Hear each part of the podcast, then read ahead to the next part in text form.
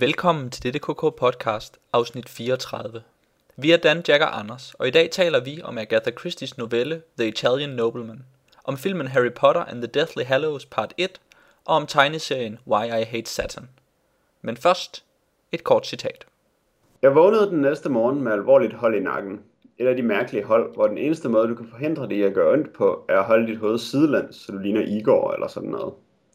Jeg gik udenfor for at finde bussen. Lyset gjorde ondt i mine øjne. Det var en smuk, solbeskinnet Kalifornien-dag. Fuglene kvidrede, og folk smilede. Jeg kunne mærke mine glade mennesker forbi vende tilbage. Kalifornier irriterer mig af helvede til. En hel stat, den største i landet, som udelukkende består af folk, som er fuldstændig uvidende om, at de lever i helvede. Den vigtigste ting, jeg kan lide ved New Yorker, er, at de forstår, at deres liv er et ubønhørligt cirkus af redsler, som ender med døden. Som New Yorker indser vi dette. Vi resignerer os til vores skæbne, og vi sørger for, at alle andre er lige så kummerlige, som vi er. God by. Det var mit citat. det var meget opmuntrende. ja, Ah, ja. Som talt fra en rigtig New Yorker, der ved, hvor frygteligt sit liv er. det må man sige. Ja, jeg havde faktisk lige haft hold i nakken. Jeg tror godt, det kan påvirke ens humør. Det tror jeg det bestemt, sådan det kan. et mærkeligt hold, der gjorde, at du var nødt til at gå med hovedet på siden? Nej, øh, omvendt, jeg skulle helst øh, kigge lige ud. Okay. Så øh, Det lyder nemt at navigere i samfundet med den slags hold i nakken. ja, og så skulle jeg ikke tage stilling til at være i Kalifornien. Mm. Det er selvfølgelig også rart. Så det gjorde det lettere. Men øh, jeg tror, at øh, du har citeret noget fra tegneserien Why, We, Why I Hate Saturn, eller Saturn, som er irriterende at sige på engelsk. Um, Sådan. Saturn, ja. Sat. Det kalder vi det bare. I hate Saturn. ja. Um, en uh, tegneserie, som vi skal tale om til sidst i dag. Um, inden det har vi talt om en lille novelle om en italiensk adelig, eller the Italian nobleman, eller nobleman. Ej, okay, det kan man ikke sige. Uh, og uh, efterfølgende i midten en, uh, en lille filmisk pause, eller hvad vi skal kalde det. Filmisk fiesta uh, med, uh, med Harry Potter og hans første del af historien om The Deathly Hallows. Um, det er programmet for i dag. Rimelig spændende, må jeg sige. Jeg er enig, Men- jeg er enig. Ja, ikke? spændende at se, hvordan vores sindstemning er til sidst. Ja. Men øh, alt, inden alt dette, så skal vi tale om, hvad vi har lavet siden sidst. Jeg tænker, du kan starte ud, Dan. Ja. Øh, jamen, jeg kan jo bidrage til, til det høje humør, som Jack han lagde ud med i citatet.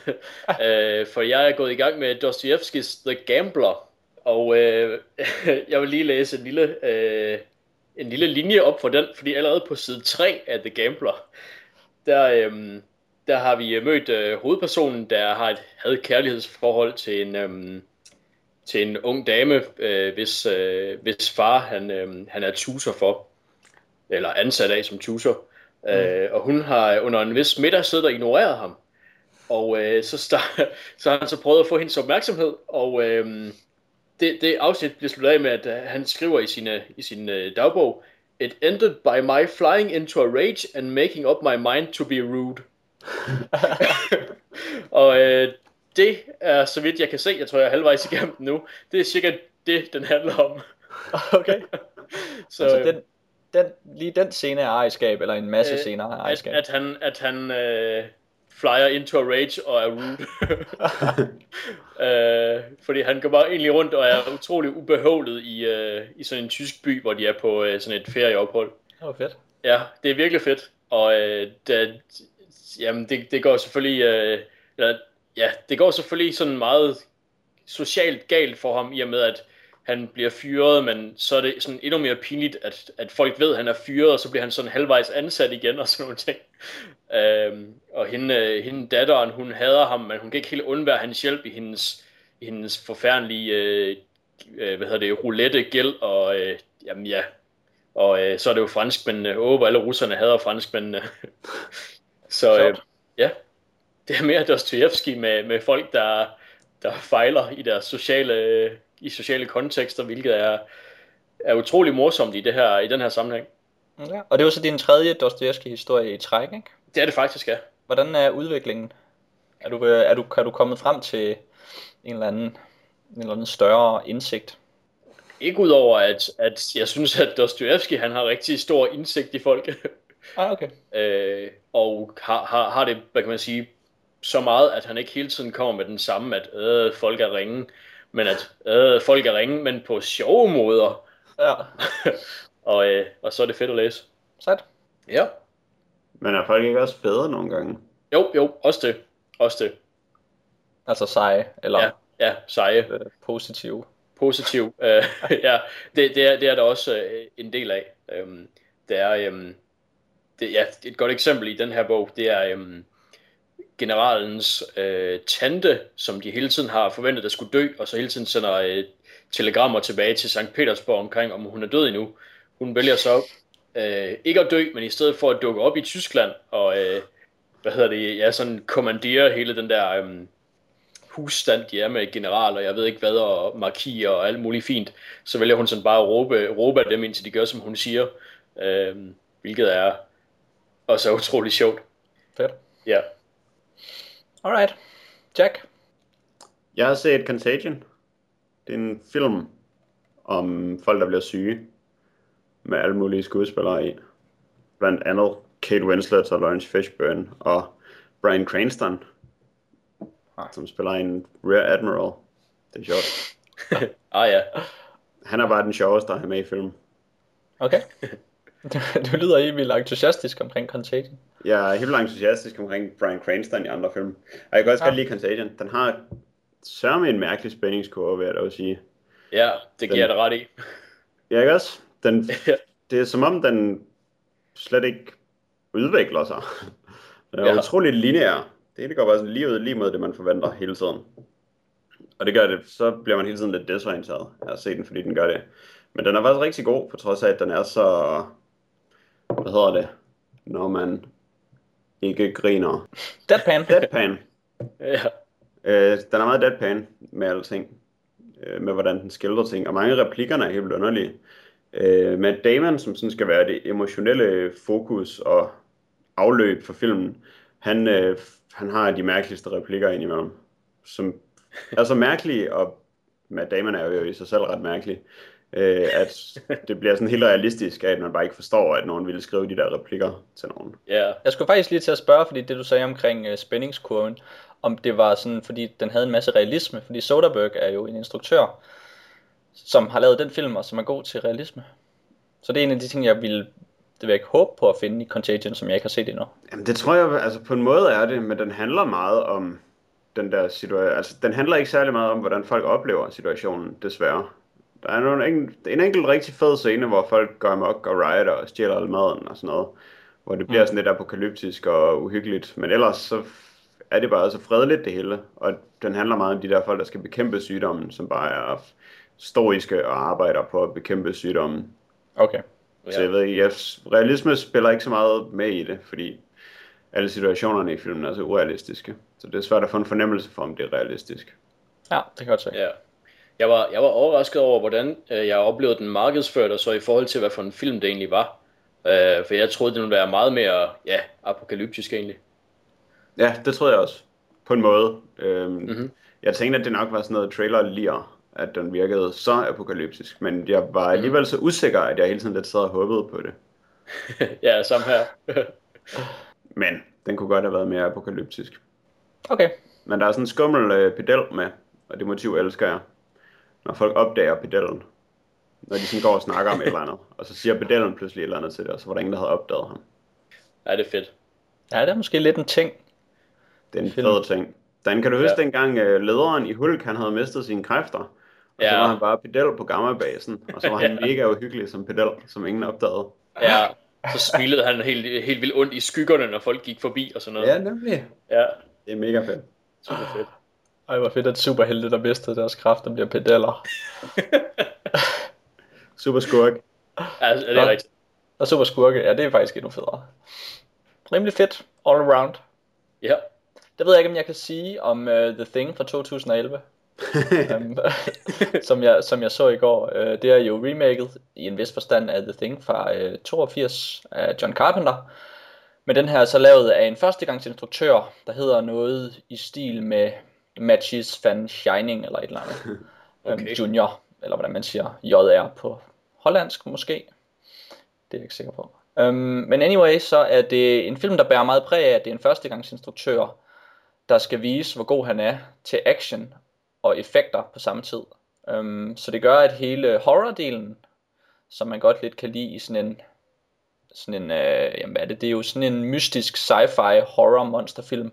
Um, det bliver meget overeksponeret med lækker lys på alle monsterne og ekstremt mange detaljer, som man skal kigge på. Ah, ja. Det, tager, uh, det, det er lidt ærgerligt, hvad det egentlig taget gør ved sådan en slags film. Er monsterne, er de lige så klamme som i den fra 82? Nej, men det er det jo så ikke. Det bliver sådan lidt, øh, sådan lidt hyperrealistisk at se på de der monster. Mm-hmm. Det virker lidt mere som sådan noget moderne kunst, fordi det er så detaljeret og så øh, veloplyst Ja, okay. hele tiden, at, øh, Ja, okay. det, det virker ikke. Det får ikke den der, altså horrorfilm må jo gerne være lidt mørke og lidt gritty, og man er ikke helt sikker på, hvad der ser, hvad man ser, så man ens hjerne fylder måske selv det resterende ud, og så bliver det lidt mere uhyggeligt, det der elendige latex-monster, som var med i den originale The Thing. Ja. Eller hvad, hvad det kunne være. Um, men ellers så, ja. Så, så det virker ikke så godt. Den Så det er- originale, eller den originale? Ja, det er jo så det. Der var jo den fra, Ja, wow. den, den fra 51. Er det ikke rigtigt? Det er tæt på i hvert fald. The Thing from Outer Space? Er det den originale? Originale. Det er den originale originale. ja, Men ja, det er noget råd. men det er sundt, når, øh, når øh, nyere film især lider af det der at se mine flotte monster-syndrom. Ja, altså det bliver lidt sådan en... Øh, nogle gange kan man mærke, at instruktører, de, det bliver lidt mere sådan showreel for dem. Mm. At de skal vise sådan den svite af kompetencer, de har inden for action og effekter. Og Ja. at de måske kunne få lov til at lave, det ved jeg ikke, Jurassic Park 5 eller et eller andet til, til flere millioner i, i gage. Um, og så er det lidt det, der er planen med filmen, i stedet for at lave en, ja. En lidt mere stemningsfyldt øh, film. ja. Men forventer du så ikke bare det forkerte af den? Hvis Jo, du det kan godt være. film, og du får en flot actionfilm i stedet for. Jo, helt klart. Er det, Det ikke en flot actionfilm? Jamen, øh, det er jo så det, der er problemet. Vi har en, en hovedperson, man kommer lidt sent ind på, hvem der er hovedpersonen. Um, og hende finder man ikke noget som helst ud af omkring. Man finder ud af hendes navn og hendes profession, og det er faktisk det eneste, man ved om hende. Hmm. Overhovedet. Man ved ikke engang, om hun putter mælk i kaffen, eller sådan nogle detaljer. Eller whisky på computeren? Ja, ja, jeg skulle til at spørge. Ej, vi har dog en, en computer der, hvor hun står og laver noget af sit paleontologarbejde, som har et interface med sådan lidt, øh, lidt skrigende giftgrøn øh, typer, ja. Som er over i den originale Things computer. Men ellers nej. Og så en, en Ulrik Thomsen som en sort of bad guy hele vejen igennem. Altså en Okay. oversaget skurk. Øh, ja, delvist også oversaget, men mest bare en slags skurk, fordi det er han egentlig ikke. Okay. Måske. Eller det ved jeg ikke. Det vil jeg holde lidt åbent. Og måske heller ikke spoile. Jamen, det lyder jo lidt kedeligt. Men er der nogle flotte effekter, som man kan falde i svime over?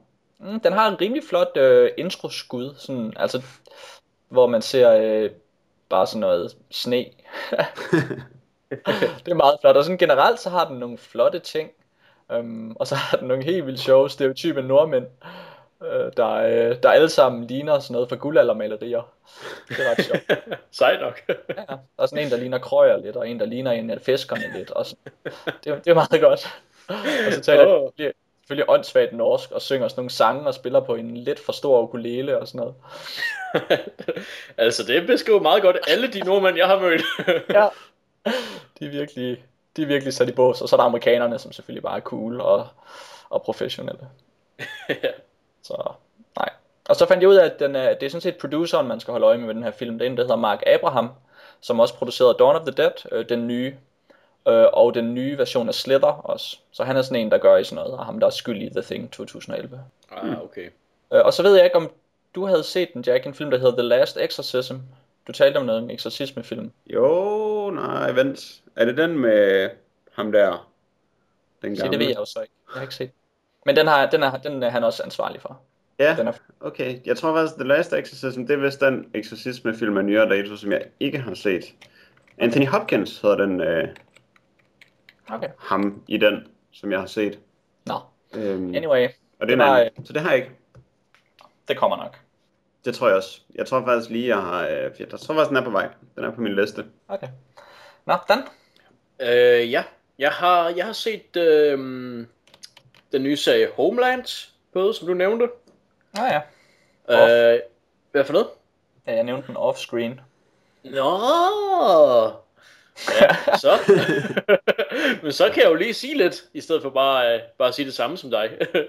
Ja. øhm, jamen, jeg har set op til 8 afsnit, og jeg tror, der er 9 ude nu. Og øh, af Thanksgiving, så blev alt jo øh, udskudt i USA. ja, det er jo det. Og øh, ja, den, den er fra i år, øh, og med Claire Danes og Damian Lewis i hovedrollerne. Og øh, den handler om en, øh, en gut, en sergeant Nicholas Brody, som bliver øh, fundet i Irak, efter han har været missing in action i 8 år eller sådan noget. Så bliver han fundet i Irak og bliver bragt hjem og er en, og er en held, fordi han overlevede som den eneste i sin deling. Og øh, i mellemtiden, så har Claire Danes været udsending for øh, CIA, og øh, hun har fået at vide som det sidste hotteste chip, lige før hun prøver at redde en, øh, en dødsom gut, at øh, der er en af de, øh, deres prisoners, der er turned, altså er blevet en, øh, en forræder over for Amerika. Og øh, så mistænker hun øh, Brody for det, nu hvor han kommer hjem som en held. Og, øh, og så følger den så de to i deres, i deres forskroede liv. ja. ja, det er jo nok en serie, man skal passe lidt på med at spoile, fordi ja. spændingskurven er meget, de for, den ser jeg afsløringer, Ja, der kommer igennem. det er det, så, så jeg tør næsten ikke sige mere om den, andet end at den, den er god, synes jeg. Ja. Og, øhm, og jeg er ellers ikke typen, der ser den her slags. Jeg tror, jeg så et afsnit af Jack Bauer, og så jeg på det, fordi det synes jeg ikke, det var særlig godt. Nej, det er jo et sjovt udgangspunkt at sammenligne den med, med Ja. ja. 24 timer, fordi det er en amerikansk tv-serie, der handler om terrorisme og terrorbekæmpelse, sådan inden fra, fra sådan et agentperspektiv, sådan Ja. hvordan man står i USA og bekæmper terrorisme. Um, og det gør den jo så på en lidt mere interessant måde end 24 timer. Det er rigtigt. Altså, jeg har jo set alle afsnit af 24, og jeg synes, der er for lidt tortur i Homeland. det, er noget, det er noget, du mangler simpelthen. Det er det. Man kan ikke lave efterforskningsarbejde uden tortur. Det har Jack bare lært mig. ja. Er sådan en kniv i knæskallen indimellem, til at varme op på. Jeg har kun set et afsnit af Homeland. Okay. Okay, Jamen, så, vil, så kan det jo være, der kommer noget til tur. Det er jo ikke til at sige. Men altså, hvis det var 24, så havde der jo nok været noget nu. Ja, så havde det også, øh, så havde der også været lidt mere tempo, måske. Lidt mere. Du har kun 24 timer. Så er ikke, Ja. ja. Claire Danes er heller ikke så god til at, se, til bare at stå og se intens ud, Nej, som Jack Bauer jeg er. Nej, men hun er, øh, hun er god til at være lidt et røvhul. Ja, hun er en, hun er en god sammensat øh, Ja. ja. karakter, Ja, fordi hun, øh, ja, fordi hun har nogle, øh, hun har nogle flaws, som gør hende interessant, nogle fejl ja, ved hende, der gør hende interessant, og så har hun nogle styrker, som, øh, det bliver sådan, øh, måske lidt, den prøver måske at ramme noget lidt Dexter-agtigt på nogle punkter, muligvis er den lidt inspireret deraf. på den der måde, hvor hun har de her fejl, og hun har de her ting, der gør hende menneskelig, og de her ting, der gør hende umenneskelig, Ja, um, ligesom Dexter. ja, det er måske rigtigt nok. Øhm, men jeg var overrasket over, at, at jeg sad og var lidt sur på hende en gang imellem, fordi Claire Danes øh, virker som utroligt behagelig i hendes andre roller. Ja, hun spiller næsten altid med i sådan nogle romantiske film. Ja, ikke? virkelig sådan sød, sød Ja. tøs-agtig. Øh, så det var fedt, at hun rent faktisk kunne, kunne være, øh, ja, kunne være ubehagelig og lidt frastødende. Være en sur tøs. Den sure tøs, som man, som man kalder det. det hedder det. Jeg har set øh, Woody Allens nyeste film, som så er nok et år, år gammel nu eller noget, der hedder Midnight in Paris, med Owen Wilson i hovedrollen. Um, og jeg har det som om, at jeg for måske et år til halvanden siden talte om hans sidste nyeste film, og sagde noget i stilen med, at den minder om de sidste par film, Woody Allen har lavet, med fuldstændig samme tone og tilgang. Øh, en film, der centralt handler om et kærlighedsfamiliedrama med et twist af krimi, og så et eller andet magisk realisme, der, der omslutter det hele. Og det er også det, der sker i Midnight Okay, in ja. Paris. Det lyder meget bekendt, det du beskriver i hvert fald. Det er helt vildt så, øh, så bekendt der. Så fra nu af behøver du ikke uh, sige noget om det, når du har set Woody Allen's nye film. Du kan bare klippe det fra sidste gang, du så ind. ind. Ja, ellers, ja. Um, ellers så vil jeg måske ikke nævne, at jeg har set en Woody Allen film, før han laver noget, der er noget nyt. Det kunne man også, øh, ja. Så jeg vil faktisk ikke engang kede jer med det. Okay. Er det okay? Tak. ja. Okay. Ja, men Woody Allen gør jo ikke noget for mig. Så, øh, så lader vi ham ligge. Øh, har I mere? Øh, jeg har spillet Skyrim. The Elder Scrolls 5 Skyrim. Og du tager fejl på igen, Er det rigtigt? som altid. Kan du ikke finde ud af at spille computer? Du spiller forkert på. Jeg, jeg er spændt på at høre den rigtige måde at spille Skyrim. Ja. Ej, jeg synes også- bare, øh, jeg synes overhovedet ikke systemet i Skyrim, det er noget, der er værd at spille et computerspil for. Til gengæld så synes jeg, at det er noget fuldstændig fantastisk historiefortælling, de har i form af den verden, de laver. Det synes jeg er noget, som er værd at spille for. Jeg ja, synes, det er jo sjovt, for det er jo faktisk det omvendte af det, jeg sagde. ja, Er det? Ja. jo, det er Sjovt. cirka lige præcis. Hmm. Og det var lidt derfor, jeg har inspiceret det, mens jeg spillede. Jeg synes, i forhold til deres øh, tidligere spil, som jo også har været meget med en åben verden, som man kunne udforske, som man havde lyst til, øh, men så var der bare utrolig mange øh, miner, som var magen til de andre miner, med banditter, der var de samme banditter som banditterne i de andre miner, som man konstant blev nødt til at gå ned i, fordi man ville samle alt guldet, fordi sådan er man nogle gange.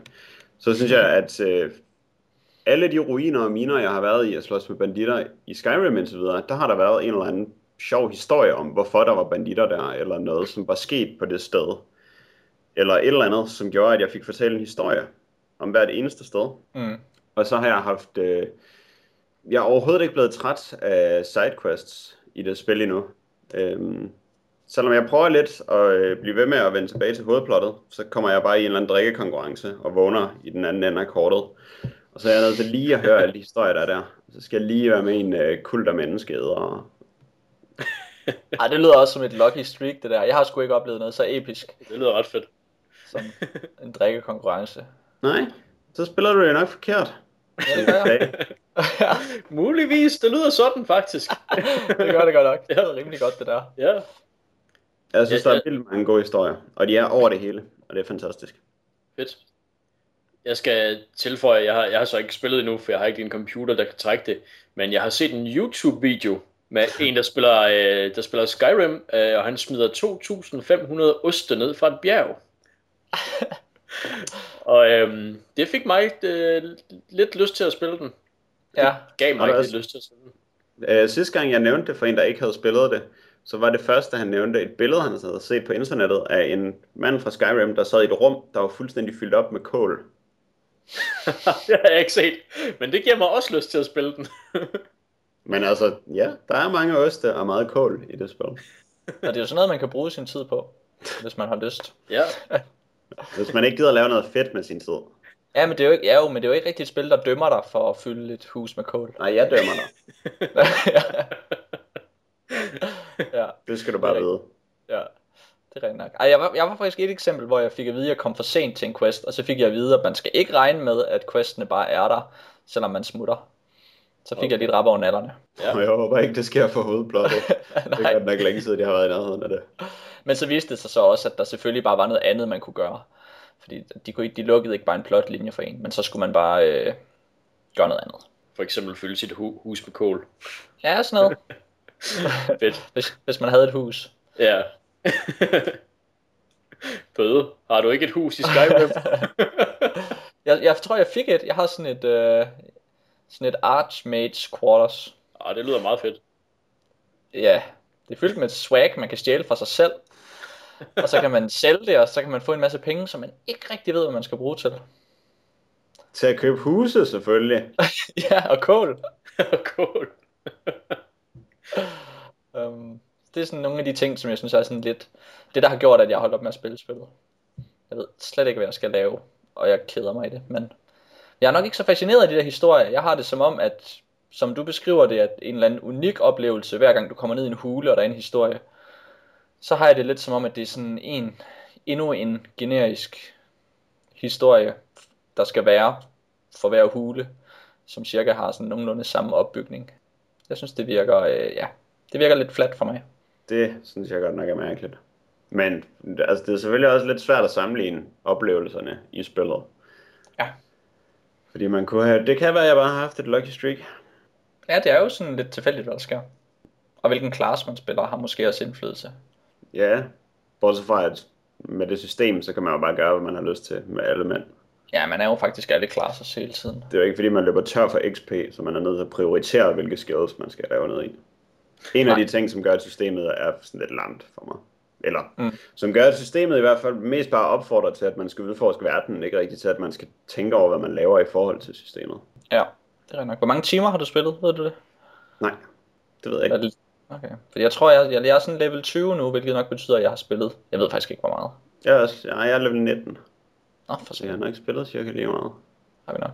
Eller, altså, medmindre jeg er bare vildt god til det.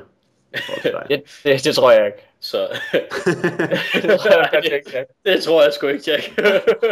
Jeg har powergamet helt vildt, og jeg har smadret alt, og ikke haft nogen udfordringer endnu. Jeg må helt klart være den bedste.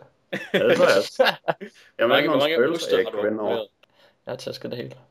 Men øh, det er jo ikke det, det handler om. Nej. Det handler om at have det sjovt. Så på den måde har jeg ikke har jeg tabt. På den måde er du stadigvæk level 1. Ja. Og, øh, godt sagt, Dan. ja. Nå, har du mere? ja, jeg synes, vi skal tale om nogen, der ikke er level 1. Skal I vi at tale om en, ting. en level 1000 Ja. detektiv, nemlig selveste Hercule. Hvad siger du til det, Jack? Jeg siger, at vi skal tale om Hercule Poirot. Eller Hercules Poirot, som man også kan kalde ham. Og, om man vil. Øh, han er jo som bekendt en detektiv. Jeg tænker lidt, at alle har stiftet bekendtskab med ham på en eller anden måde. Om ikke andet, så i de der tv-serier, der kører øh, uophørligt på tv hele tiden. Ja. Og han har sådan en lille fjollet overskæg. Øh, han er en detektiv, sådan øh, af Sherlock Holmes-typen, hvor han bare er sådan en eller anden fyr, der sidder i sin lænestol, og så kommer der folk, der skal ham til at opklare ting. Og det, det var fint. Han er opfundet af Agatha Christie, som også har opfundet Miss Marple. Så hun har nok opfundet de vigtigste, eller i hvert fald mest kendte detektiver af alle, næste efter Sherlock Holmes. Øhm, hun har skrevet 80 kriminalromaner i løbet af sit liv. 150 noveller og 8 romaner, som ikke er krimier, og 3 bøger med digte og kristne historier. Så hun har fået lavet en hel masse i løbet af de 85 år, hun levede. Øhm, og efter sine kendt og elsket.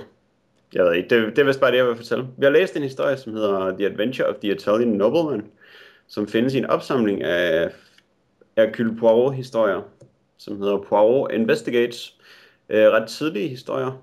Jeg mener, den udkom i 26, og hun udgav sin første bog, som også var med Poirot i 1920. Udover det, så øh, skal man vist bare nævne, at hende og hendes mand var nogle af de første britter, der lærte at surfe, mens de stod op, i stedet for at ligge på brættet. Åh, hvad? Fedt. Det er god research. Men i The Adventure of the Italian Nobleman, der øh, sidder Poirot og hans gode ven Hastings, som fortæller historien, og stener, øh, og så bliver der ringet, hvor der er en, der i telefonen siger, øh, hjælp, de har slået mig ihjel. Ja. Og, Det øh, er altså det er en rimelig god start. og heldigvis fik ham i telefonen så også lige nævnt, hvad han hed og hvor han boede. det drejer sig om øh, Grev Frascatini, som bor i Regents Court, lejlighed nummer 11. Øh, og så jager øh, Poirot og Hastings selvfølgelig derhen og møder politiet.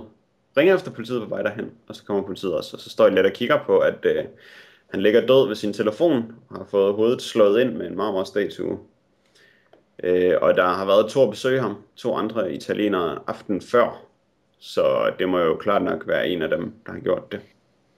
Eller er det? Hmm. Eller er det. Og så er der den fede Ja. detalje, som jeg er helt vild med.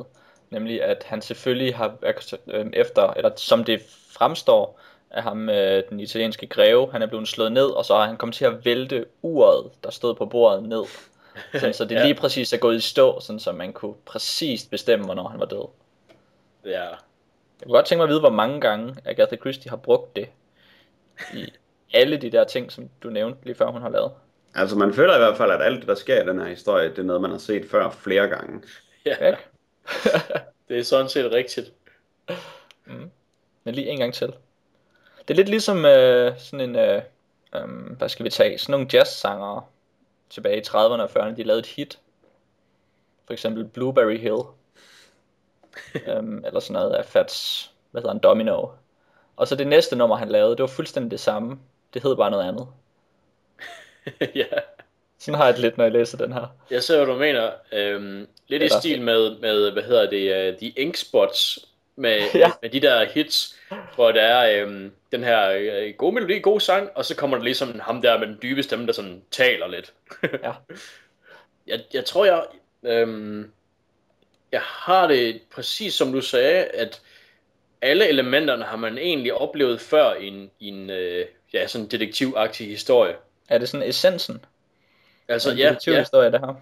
Øhm, det, det, det er jeg ganske enig i, fordi man har den her detektiv, der selvfølgelig har regnet det mest ud med det samme, og hans hjælpere, og deriblandt, øh, hvad kan man sige, samme synshøjde læserne, der sådan sidder og ikke har regnet det hele ud endnu. Og så har man nogle mistænkte, og man har nogle spor, og så kan man så prøve at sætte det hele sammen, og jeg tror, det er meningen, at man skal sige, ah, selvfølgelig, når man så får afsløret det hele. Ja, Jeg ved ikke, om, det kan godt være. ja, jeg ved ikke, om, om I sagde det til slut.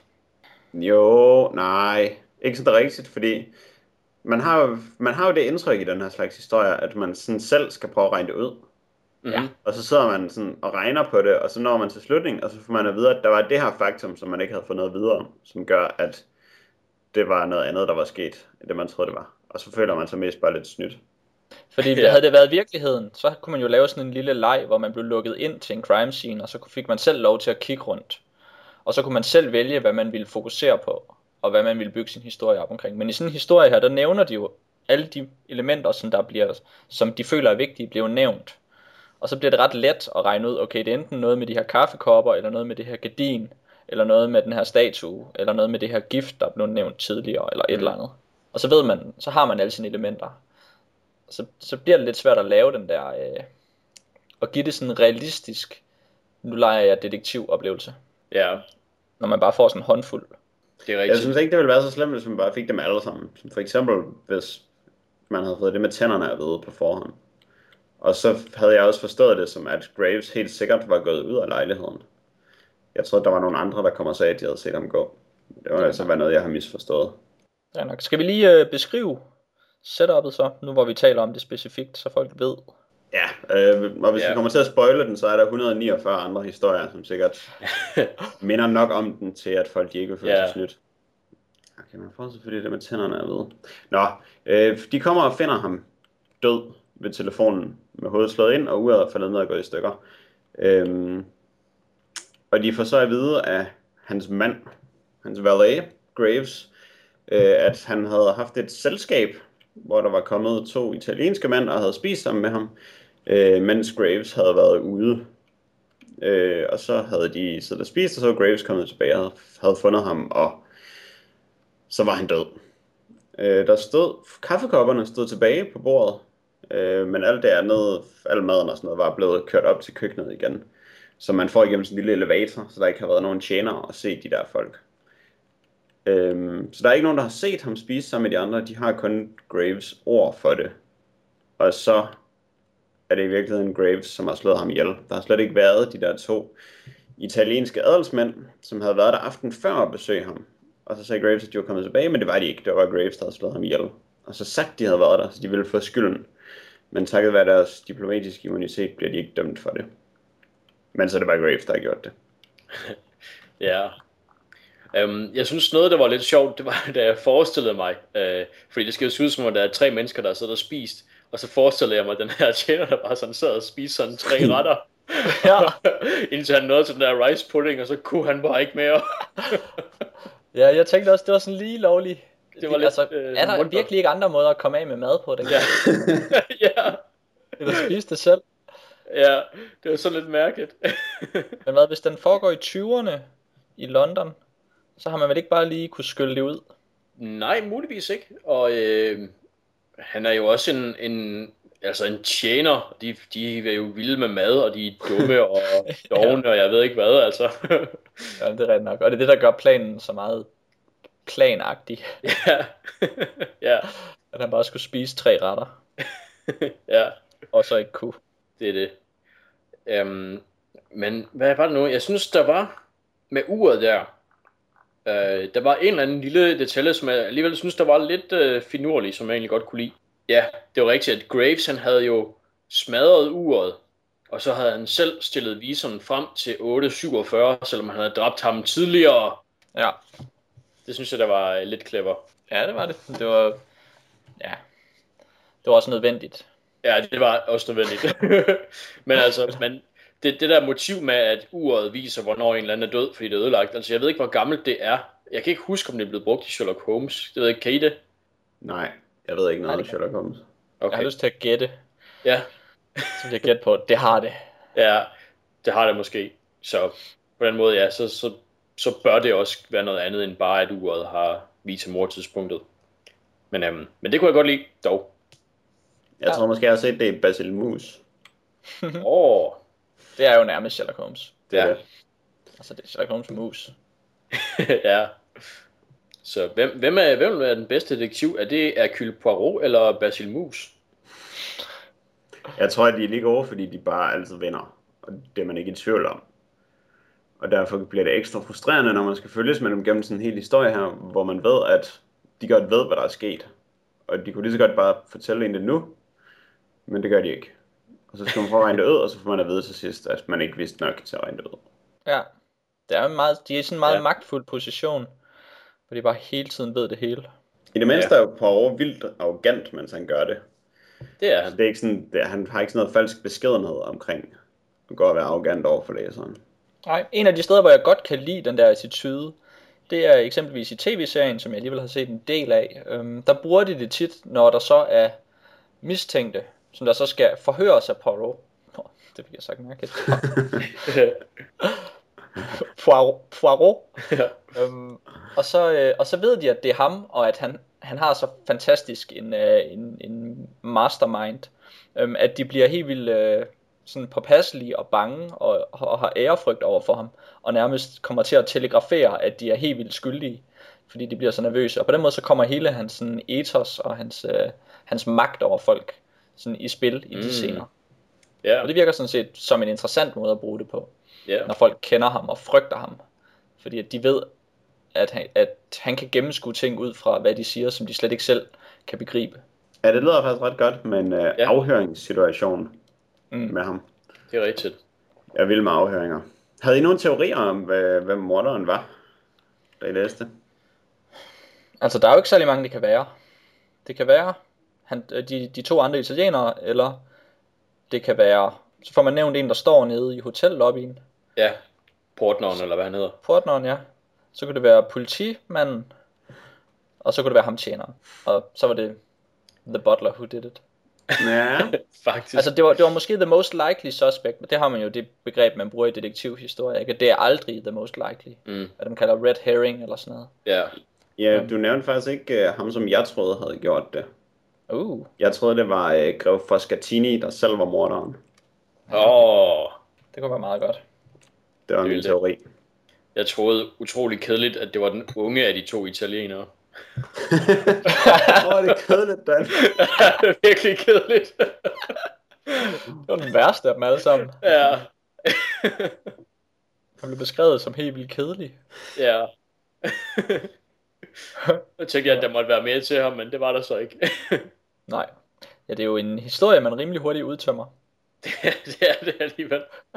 Men tror I ikke, at grunden til, at det hele virker så bekendt, er, at det er en uh, protodetektiv-historie?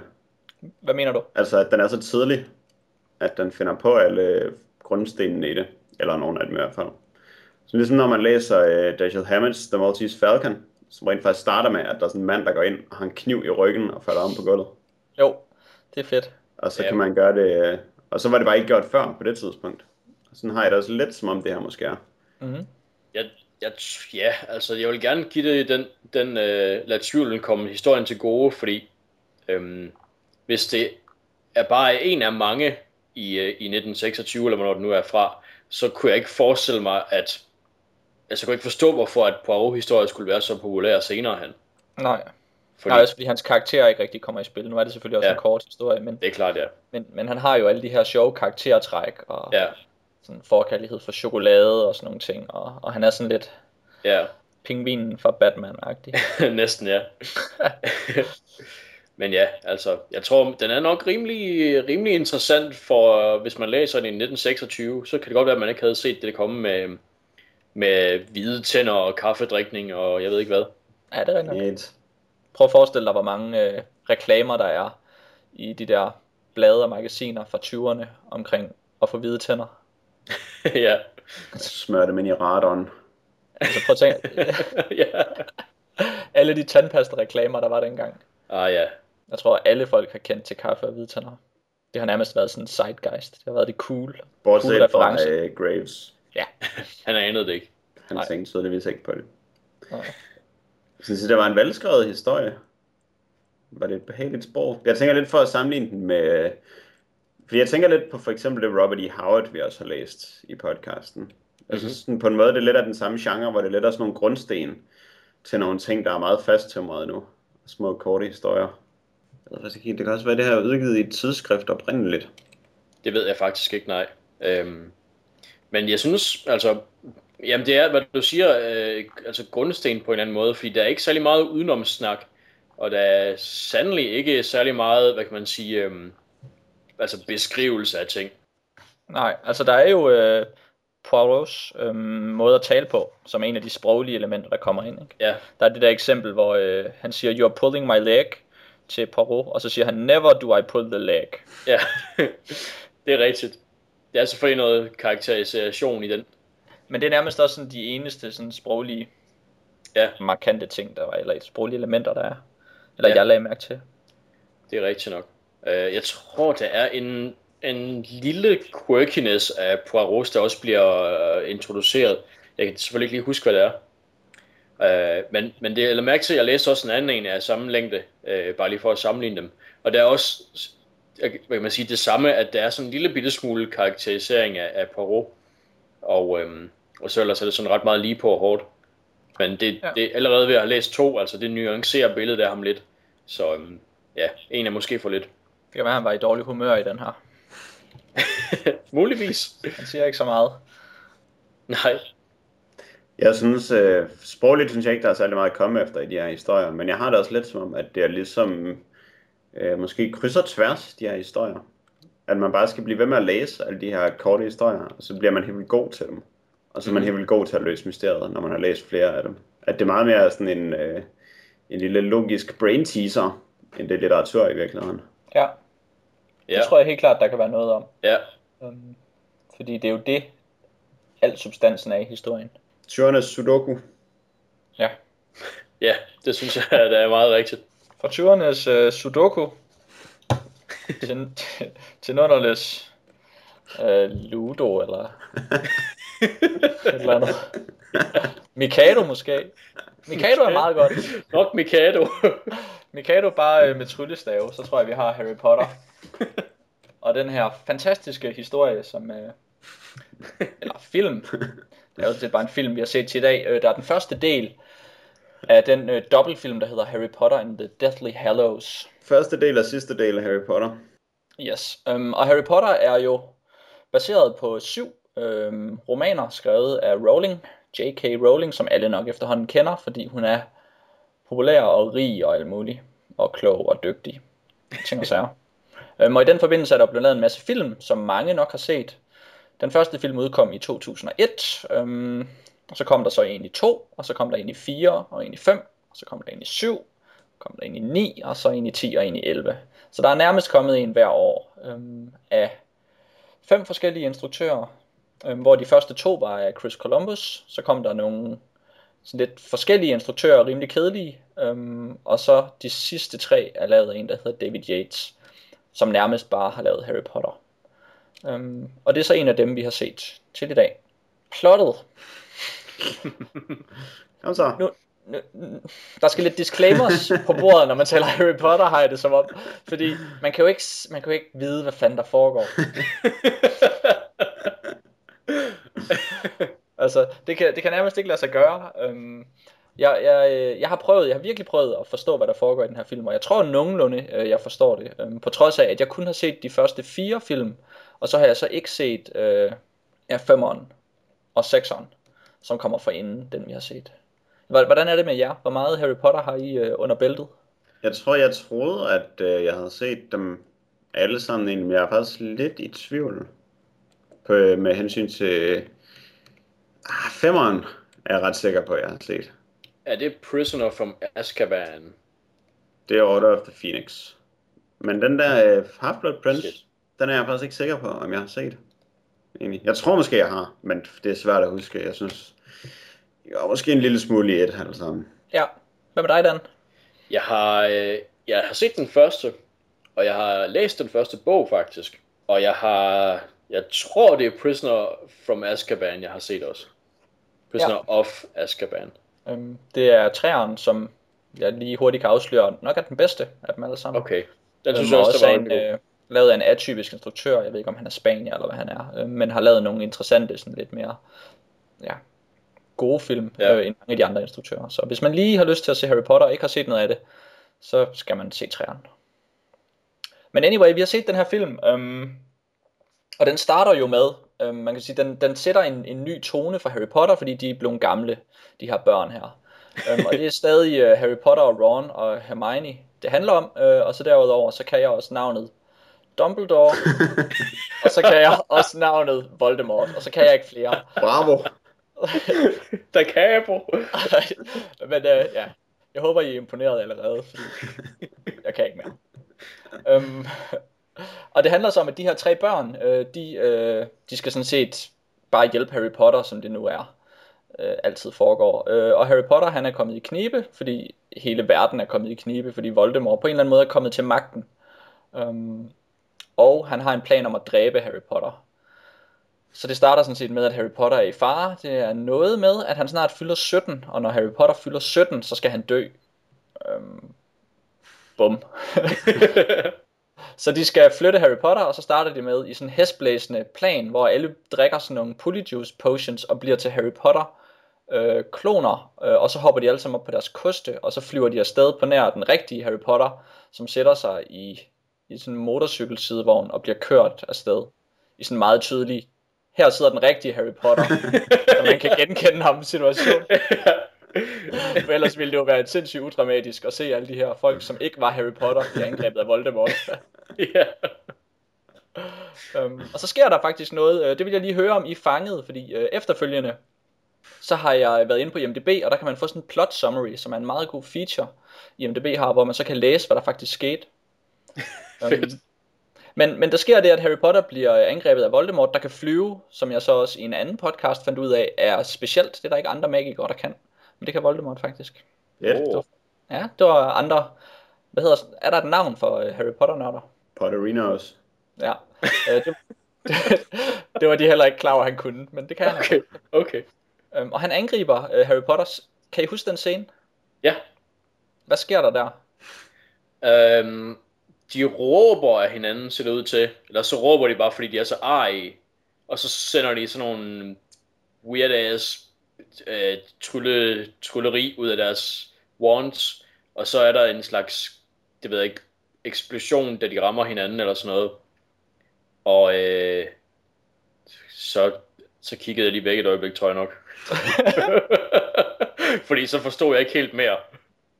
Nej, okay. Men det er sådan en, en luftkrig, de har, mens øh, de flyver Ja. afsted. Kan du huske det, Jack? Nej, overhovedet ikke. Okay, fordi åbenbart så er der et, et eller andet med den stav, som Voldemort bruger, som vist går i stykker der. Ja, man, man får, jeg synes, jeg fik indtrykket af, at, at hans angreb ikke virkede i hvert fald.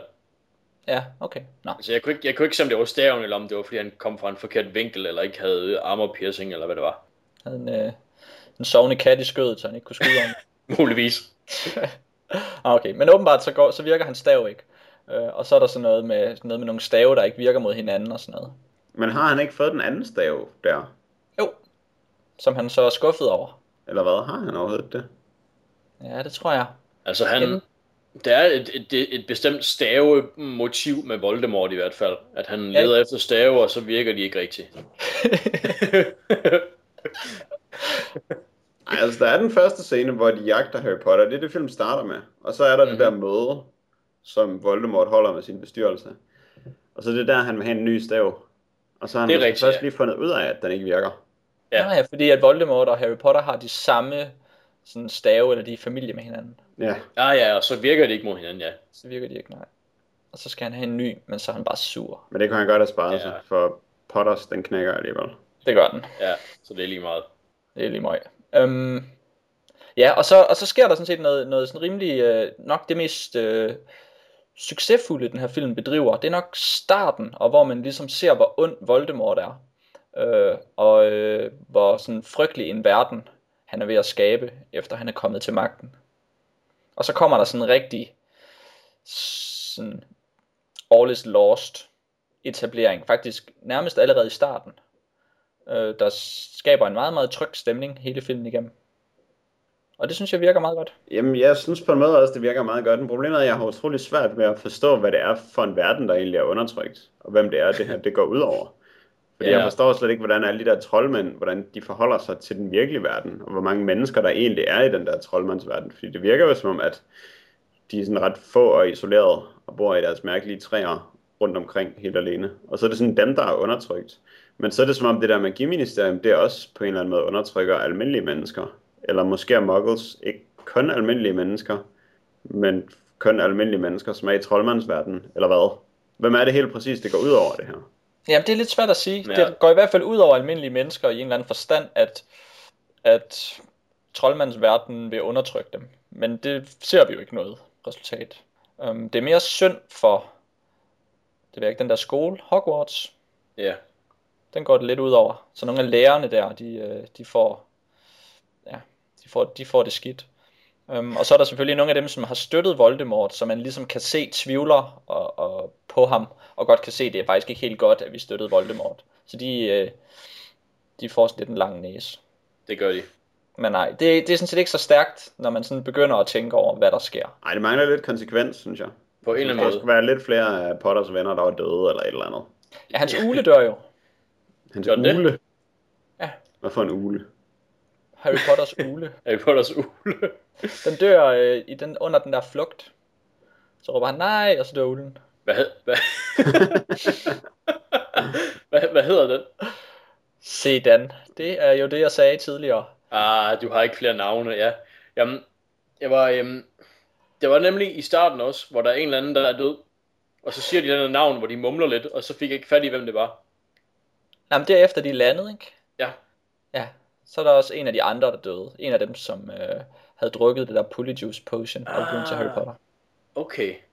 Okay, så der er rent faktisk en, der dør, som, som man er ligeglad med. Ja. Der er jo flere, som man er ligeglad med, som dør. Ja, Mm. Og det er som om, at sådan, det der øh, det følelsesmæssige højdepunkt, hvor der virkelig dør nogen, som betyder nogen noget for en og for de andre i filmen, så er det ham der, den åndssvage nisse, Guber, eller hvad det er, han hedder. Nå ja. Doobie. Dobie. Goober. Cooper.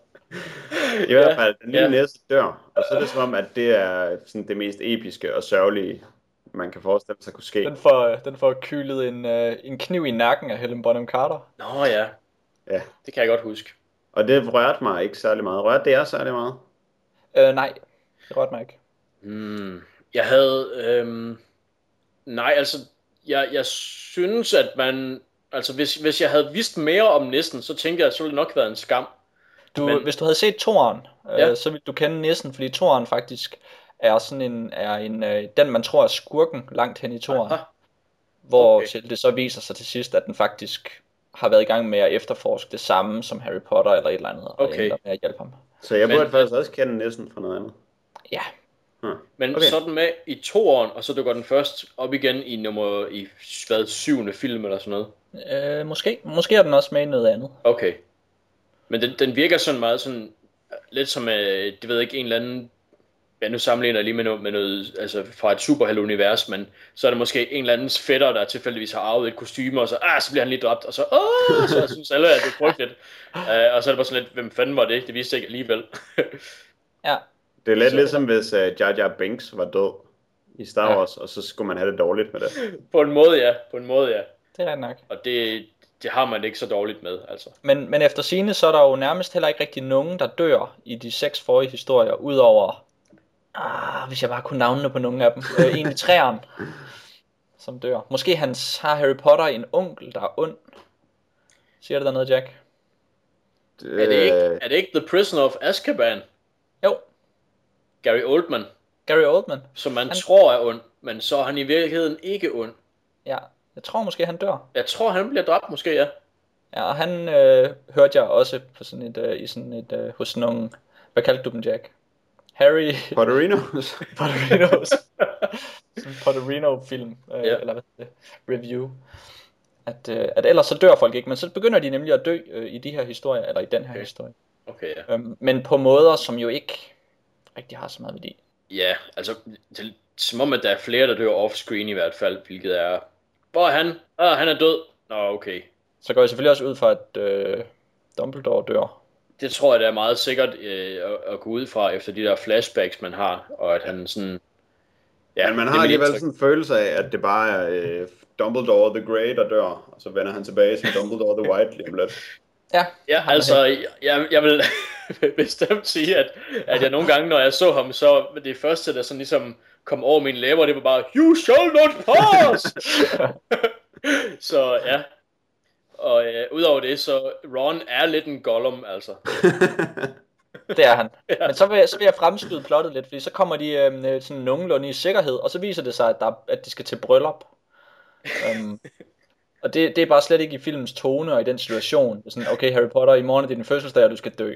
Men, men så, øh, så er der bryllup, øh, og så, så sker der nogle ting med, at de pludselig bliver angrebet igen af de der Death Eaters, som jo hele tiden ved, hvor de er, og bare kan angribe dem hele tiden. Ja, og hvem, hvem skulle have troet, at de vælger at angribe sådan en stor forsamling, hvor ingen er på vagt, altså. Ja, ja, ja lige præcis. Um, noget, der virker rimelig dårligt. Um, og så, så, som plottet går videre, så skal de så afsted ud på deres rejse, og så finder man så ud af, at det så åbenbart kun er de tre børn, der skal løse det her mysterie øh, og nedkæmpe Voldemort, uden hjælp fra nogen andre. Jamen, det er jo så fordi, at Potter han offrer sig ved at stikke af fra alle dem, der prøver at hjælpe ham, fordi han ikke vil bringe dem i fare. Ja. Så det kun ham, der skal gøre det hele. Og så Ja. hans to buddies. Hans sidekicks. Og det er lidt dumt, når man, øh, når man tænker på, at det er jo ikke fordi Harry Potter er helt fantastisk, at han skal redde dem alle sammen. Det er jo bare fordi, han nu er udvalgt til det. Til gengæld så er han vild lotto, når det sådan kommer til at finde det der svær, de skal bruge som nødeknækker og sådan noget. Ja, lige præcis. Lige præcis. Det er rigtigt. Øhm, så, så de får alle sammen de her gaver, øhm, som er vel sådan typisk fantasy-træk. Ja, At man skal, man skal have nogle fede ting, og så skal folk sidde og tænke, åh hvad.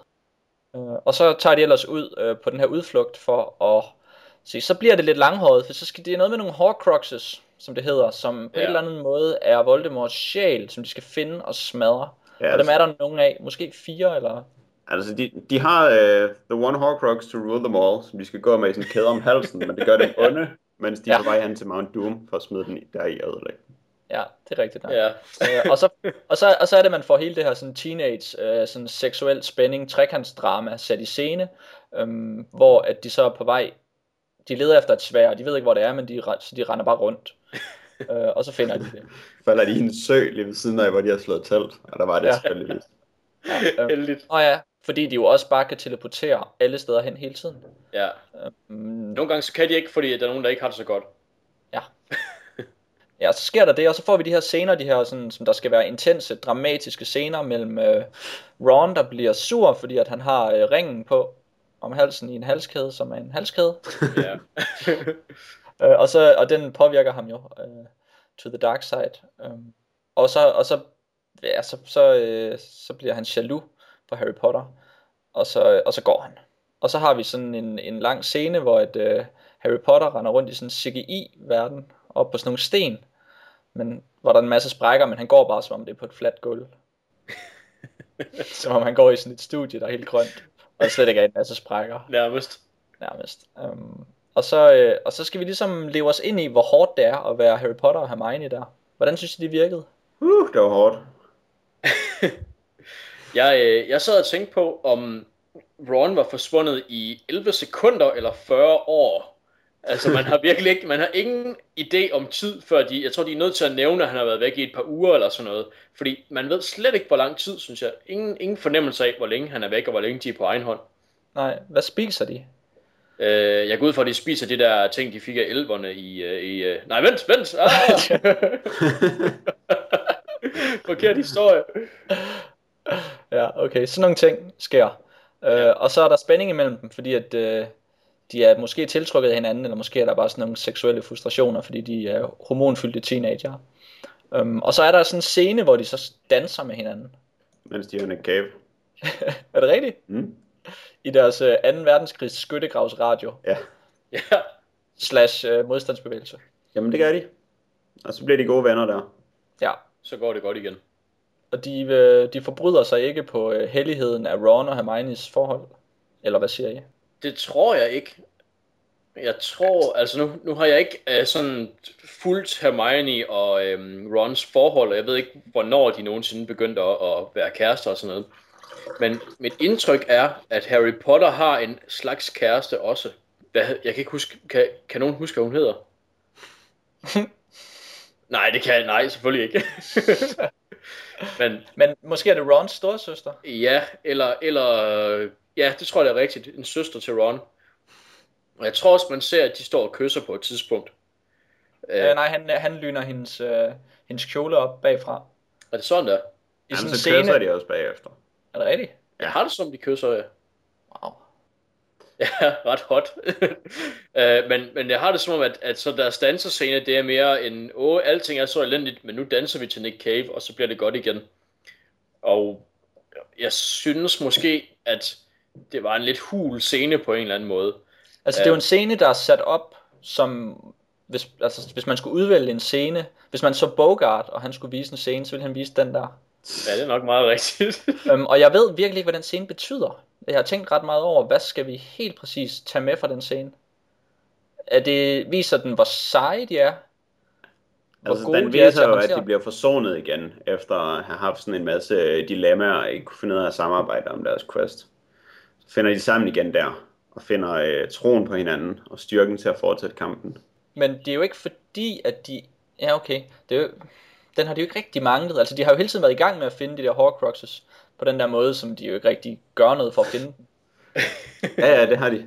Helt sikkert. Altså, det er ikke nødvendigt, men det er det, vi skal forstå i den der scene, at de har haft Mm. problemer med det.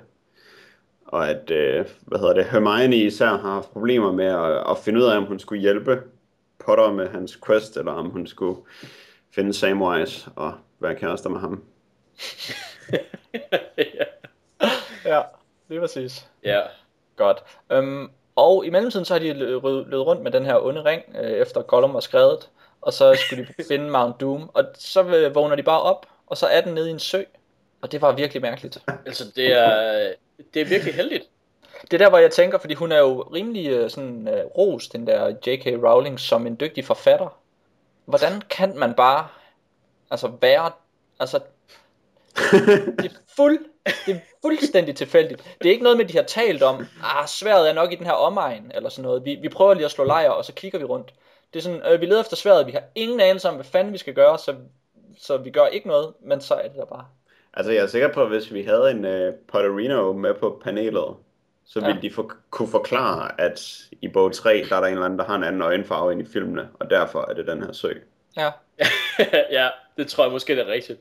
Altså, jeg, mit indtryk, da jeg så filmen, det var også, at jeg følte nogle gange, at der var nogle ting, som, altså, der var klippet fra bogen på en eller anden måde, at for eksempel alle de der folk, der dør, måske er det rent faktisk noget, der er med i bogen, og, og at man ikke bare lige får at vide, at åh, det er en eller anden død, Nå, okay, fint nok, ses i morgen. Ja. Altså, at, at der rent faktisk vil være nogle, nogle lidt store, episke dødsscener på en eller anden måde, og at man ligesom føler, at deres offer ikke har været forgæves, og at man altså måske kan huske deres navn, hvis man har læst bogen, ikke? Jo. Men man føler sig godt nok meget ekskluderet, når man ser den her film, men ikke har læst bogen. Det virker virkelig ikke Ja. som en film, der er lavet til folk, der skal se den her film. Nej, men det er sådan set rigtigt. Det er sådan set rigtigt. Det vil jeg give dig ret i. Det gør det slet ikke. Altså det, det der var lidt var min teori, det eneste jeg kunne lægge sammen, det var, at de fandt sværet, fordi at de dansede sammen. Det er sådan, det er det eneste de gør. Men det er jo bare lidt mystisk. Det er lidt mystisk. Det er det. Især Altså- fordi, at Hermione ved jo ikke ved, hvor sværet er hen, før de Ja. kommer tilbage med det. Men der var et eller andet skæbneagtigt over, at de finder det. Ja. Der er et eller andet med, at magiens verden, eller magiens bølger og strømninger er med dem, eller et eller andet, fordi de godt ved, at den onde magi ikke skal vinde, eller et eller andet. Ja, det kan man måske, det, det er måske også klare i bogen, det ved jeg ikke. Men altså, der er selvfølgelig, altså, man kan sige, motivet med sværet, der er i en sø, det, det er selvfølgelig gammelt og, og Set før. ja, Ja. tried and tested på en eller anden måde, så, så altså, på den måde, det giver vel mening, at de finder det i, i søen fra sådan et øh, Excalibur øh, synspunkt. Men altså, det, det var jo enten i søen, søen eller i stenen. Ja, ja, på en eller anden måde. Øh, eller, eller smed der Hattori Hanzo eller et eller andet. Men de var måske også i en situation, hvor rent, rent historiemæssigt, hvis de bare sådan fik et clue, når man sværet er der og gik derhen to sværet, det ville nærmest være lige så kedeligt, som hvis det bare var ja. i en sø, fordi hele plottet er, øh, find den her ting, når så går vi derhen, når så finder vi den der, når så skal vi finde den her, når så går vi derhen, så tager vi den. Ja. Så kan man lige så godt bare støde ind i det til sidst. Eller sådan. Ja, nu skal jeg finde den her. Øh, ja, okay, vi prøver den her sø. Ja. Det er det, der er tættest på alligevel. ja. Vi kan lige så godt starte i vores egen baghave. Det er inspireret af sådan noget mytologisk, øh, sådan noget islandsk saga eller et eller andet. Der kan man jo godt bare fortælle sådan en mytologisk historie om nogen, der leder efter noget, og så finder de det. Ja, ja da. Ja. så. så finder de svært at slås i dagevis, selvom de ikke har nogen ben og arme længere. ja. Men så finder Harry så sværet, øh, og så øh, tager han alt sit tøj af og hopper ned i vandet. ja. Og så øh, går halskæden amok, fordi den har han med ned i vandet. Ja. Og så er halskæden, som han har med ned ved at drukke ham, dukker Ron op og redder ham. Ja. Og så skal de åbne halskæden, fordi det har Harry Potter hele tiden kunnet. På trods af, at de har prøvet at smadre halskæden helt vildt mange gange uden at åbne den. Så nu vælger han så at åbne den, og så smadrer det der inde i halskæden, som de jo ikke har forsøgt sig på før. Men det kan de så, fordi de har sværet. Og så ja. taler han det der slangesprog, og så åbner den sig. Men det er sådan lidt... Det kunne han jo hele tiden have gjort, og så kunne de bare prøve at skyde sådan der, det der, den der ting, der kommer ud af halskæden med al deres magi. Åh, oh, Pøde, du er en muggle, er du. de ved selvfølgelig, at de ikke kan smadre det, så derfor er der ikke nogen grund til at åbne halskæden. Men hvorfor prøver de så at smadre den? Åh, oh, din muggle! de kan godt lide at gå med både livrem og seler. Det kører. Ja. Går den, så går den. Går den, så går den måske. Um, ja, øh, og det, det gør den så, fordi så smadrer de den. Og så har de sådan set klaret sådan det, de skulle lige umiddelbart. Altså efter det, så er de sådan set færdige med deres plot. Altså, så skal de så finde alle de andre Horcruxes, øh, som vi ikke rigtig ved noget om. Vi ved faktisk heller ikke, hvor mange der er, hvordan de skal finde dem, men altså, de kigger vel bare sådan i skuffen i det næste hus, de kommer til, så ligger der vel en Horcrux der. Yeah. Og så klipper det til, at vi har også fået den her lille historie om de her dødsregalier, som filmen er opkaldt efter. De her tre super magtfulde magiske våben genstande. Ja. Som de tre brødre fik af døden. Som faktisk ja. var en ret god lille animationssekvens. Det var måske den bedste historie, der er i historien. Det er rigtigt. Ja. Øhm, og så har der været noget med, at de ikke kunne regne ud, at det var det, Voldemort ledte efter. Men så finder han det. Og så øh, er filmen slut. Så når der ikke er nogen slutning. ja, det, det er rigtigt. Hvad er det, det ender med for de tre venner? At de smadrer øh, Horcruxet, Horcrux halskæden. Mm. Ja, så bliver de jo sådan lidt venner igen. Så får de så lige en snak ja. om tingene, og en masse mere Klaus Riffbjerg pis. Og så det er, er de klar til at lede efter flere Horcruxes. Ja, ja så, så har de en eller anden idé om, at så, så tænker de, at et eller andet må være i Dumbledores grav, eller noget i den retning. Kan det ikke passe? Jo, der kommer de hen af, af omvej. Ja. Det er da kun Voldemort, så... der kommer derhen. De tager derhen, og så finder de hende der, øh, hende der, der bliver til slangen, der smadrer Harry Potters tryllestaver. Det er da ikke Voldemorts grav. Nej, det er hans forældres grav. Ja. Det slutter, det er, ikke, det er ikke Dumbledores grav. Nej. Ja, det er det. nej, det er forældrenes grav, de kommer til først. Men de, men de deducerer sig frem til, at Dumbledores grav er vigtig, gør de ikke det? Mm. Jo, men nej, det er til sidst, så tager Voldemort hen til Dumbledores grav for at finde den der stav, som er en af de der tre ting. Ja. Hold da kæft, mand. det er helt vildt, så mange ting der er, og så mange ting de gør. Ja. De skal bare steder hen og kigge, og så håber de på, at spor dumper ned i skødet på dem, når de er de steder, så de tager hen. og så gør de det sgu. ligesom, at, ligesom at spille Doom, og så bare gå op ad væggen og trykke på space hele tiden. ja. Og sige, uh, uh, uh. Ja, led efter hemmelige rum. Fordi de tager os et andet sted hen. Det er der, hvor de får historien om The Deathly Hollows. Det er der ja. bare der, hvor de sidder på stenene, og så læser hun op fra sin bog, er det ikke? Nå, nej, så kommer de hen til ham, der... Ja. Ham ja. der med avisen. Ja, Eller hvad det er, han ham der, der er marginalt vigtig. Ja, og sådan god, men så han ond. Mm-hmm. Og så kommer der en af de der totalt udramatiske, hey, vi bliver angrebet, men vi kan bare teleportere os alle steder hen. Ja, så det, det er fint nok. Så det er mest bare en masse sådan raballer. ja. Ej, det viser sig så, at der er konsekvens, og når man teleporterer sig, kan det gå galt, og så sker det det, at Rons arm bliver reddet i stykker. Det virkelig var lidt sjovt. Så ligger han bare sådan, øh. Nå ja.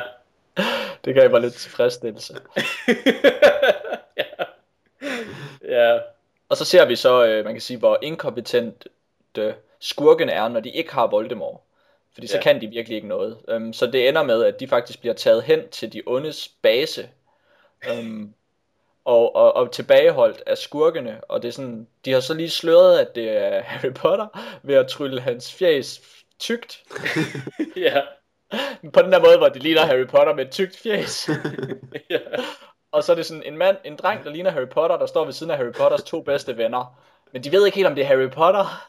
altså, hvordan skal de kunne sige det? Det kunne jo være en dreng, der lignede med et tykt fjes. Ja. Og så vil, så vil det jo, altså så kan man jo ikke bare ondulere Ja. ham. De ja. venter lige lidt, og så smider de ham bare i fængsel. og det er bare så ja, himlende inkompetent. ja, de kan ikke så meget uden Voldemort, de onde der. Um, men der var det ellers lige ved at gå galt. Men så slap de væk, fordi de bare kunne teleportere sig væk. Ja. Så, og så slutter den så, um, på den der måde, hvor det ikke har været en film. Altså, den slutter med, for mig at se, at Voldemort ligesom vinder, ikke? Fordi han Jo. finder den der powerstav, og så hæver han den i bedste heavy metal style mod himlen, og så er der lyn og alt muligt. Og det Mm. går jeg da ud fra, at der betyder, at han vandt. Ja. Jamen, det er jo det. Altså, hvis han nu var smart, så ville han ikke have spredt sådan tre stykker af sin sjæl rundt i hele verden. Syv, faktisk. Er det syv? Mm. Nå. Så kunne han selvfølgelig bare snuppe dem og så vinde. Men jeg har på fornemmelsen, at det er ikke det, der kommer til at ske. Jeg ved, jeg ved det overhovedet ikke. Hvor, øh, hvor meget savner man en rigtig slutning på det, det her afsnit? Kunne det have reddet noget? Nu kalder jeg det endda også et afsnit på den her film. Jeg tror, hvis der havde været noget, noget wrap-up til sidst, hvor man måske kunne have fået jamen, altså nogle af de spørgsmål, man sad med, ligesom besvaret, eller i hvert fald øh, fået gjort øh, fået de her spørgsmål i tale, som hvad fanden gør vi nu-agtigt, hvis de sådan Ja. selv spurgte hinanden om det, eller et eller andet, så tror jeg måske, det havde reddet noget. Fordi jeg sad og var meget clueless til sidst. Prøv at forestille jer, hvor episk det kunne være, hvis man har den der, fordi de er ret gode til at etablere, at all is lost, og verden er i fordav, og der er sådan nazi-temaer over det hele, og folk begynder at tage sådan uh, læderjakker med høje kraver på og sådan noget. Um, og Ja. normale mennesker lever i skyttegrave og, og under modstandsagtige forhold. Så prøv at forestille jer, hvis de bare havde en simpel, klar løsning til at tæske alt og vinde og gøre alt godt. Og så skulle de arbejde på det. ikke? Smid ringen i, og så tage ud på en fed rejse. Ja, Det ville være lidt lettere. Det ville være lidt bedre. det ville være ret fedt, hvis de hvis man kunne sige, at de for eksempel rejste mod ja, et bestemt mål. Ja, Hvis man lige vidste, at de havde et bestemt mål. det er det. Men, øh, Men ja, så kan de bare teleportere sig derhen. det, er- det er selvfølgelig rigtigt. Øh, og, øh, og det er selvfølgelig en skam, fordi så ville det være, må, måske være lidt for let. Det tager meget ud af sådan en verden, at det bare er, at der ikke er nogen afstand. For eksempel det der med, at øh, de ikke kan flyve. Det var det sådan lidt lige meget, hvis de kan teleportere. Det er lidt lige meget, altså. Åh oh, gud, jeg kan ikke flyve, om du kan så til gengæld teleportere din idiot Med et tykt fjes. med, med et tykt fjes. Ja. Øh, kan altså, det, det, masse- det havde da reddet slutningen, hvis der havde været en slutning. Ja, det er det. Ja, Det havde det nok. Ja, ja det er bare, og, nu har man siddet og været lidt forvirret og irriteret det meste af filmen, og så bliver man lige pisset op og ned af ryggen til sidst. Sådan, som prikken over i det. jamen, Og det kunne de altså, da i det mindste have lavet være med at gøre. Det, det er Ja. ja. rigtigt nok. Altså, det er det der med, at man sidder tilbage, og man ved ikke, altså, okay, så har Voldemort den der stav der, der sådan er um, the one stav, altså, og man, man ved ikke, hvad, hvad Harry Potter og Gollum og Samwise, de kan gøre, og hvor fanden er Viggo Mortensen, det ved man heller ikke, altså. der er mange spørgsmål til sidst, det er der. Ja. Og, og kommer Gandalf tilbage. Og alt det. Kommer han tilbage og alt muligt, ikke, altså. Ja, og hvad fanden skal de? Ja, det er det. Altså, hvad er, hvad er planen? Ja. Og selvom planen ikke ville holde stik, så stadigvæk, hvis der var en plan, så ville jeg kunne forstå, hvad deres mål er. Og hvad laver alle de andre? Altså, er det kun Harry Potter, der kæmper mod Voldemort? Og alle andre, de gør bare intet? Det er, er, det, er det ikke sådan? Altså, der er godt nok mange ubesvarede spørgsmål i den her Det er der. Det må man sige. Det er der. Jeg tror, man kunne blive ved. Var der nogen af jer, der øh, bemærkede, om der var nogle gode skuespillere med i filmen, eller nogle flotte effekter, eller et eller andet andet, som kunne kommente den ud over? Altså, om der var et eller andet andet, man kunne give sig til, mens man så den, end at prøve at følge med i plottet. Jeg kunne godt lide formen på deres telt. Det fik mig lidt til at tænke på Final Fantasy. Sejt. Sådan et, et lille sådan hvidt telt med sådan, uh, sådan firkantet, eller meget kantet telt, der bare står og lyser ude i en skov. Ja, ja. det, det er selvfølgelig noget. Det var det bedste motiv for mig. Ja. Jeg, øhm, jeg tror, jeg havde, jeg havde for svært ved at, at følge med i, hvad der egentlig skete, til at lægge mærke til, øhm, til effekter, eller... Øhm, nej, vent. Der var en, øh, en, en ting, jeg lagde mærke til med skuespil, da, øhm, da de skal infiltrere ministeriet, og bliver til tre, øh, hvad kan man sige, altså voksne personer. Øh, så ham, der, øh, der er Harry Potter, som er sådan en lidt Gestapo-agtig fyr i en lang læderfrakke, han øh, har en rigtig sjov ansigtsmimik.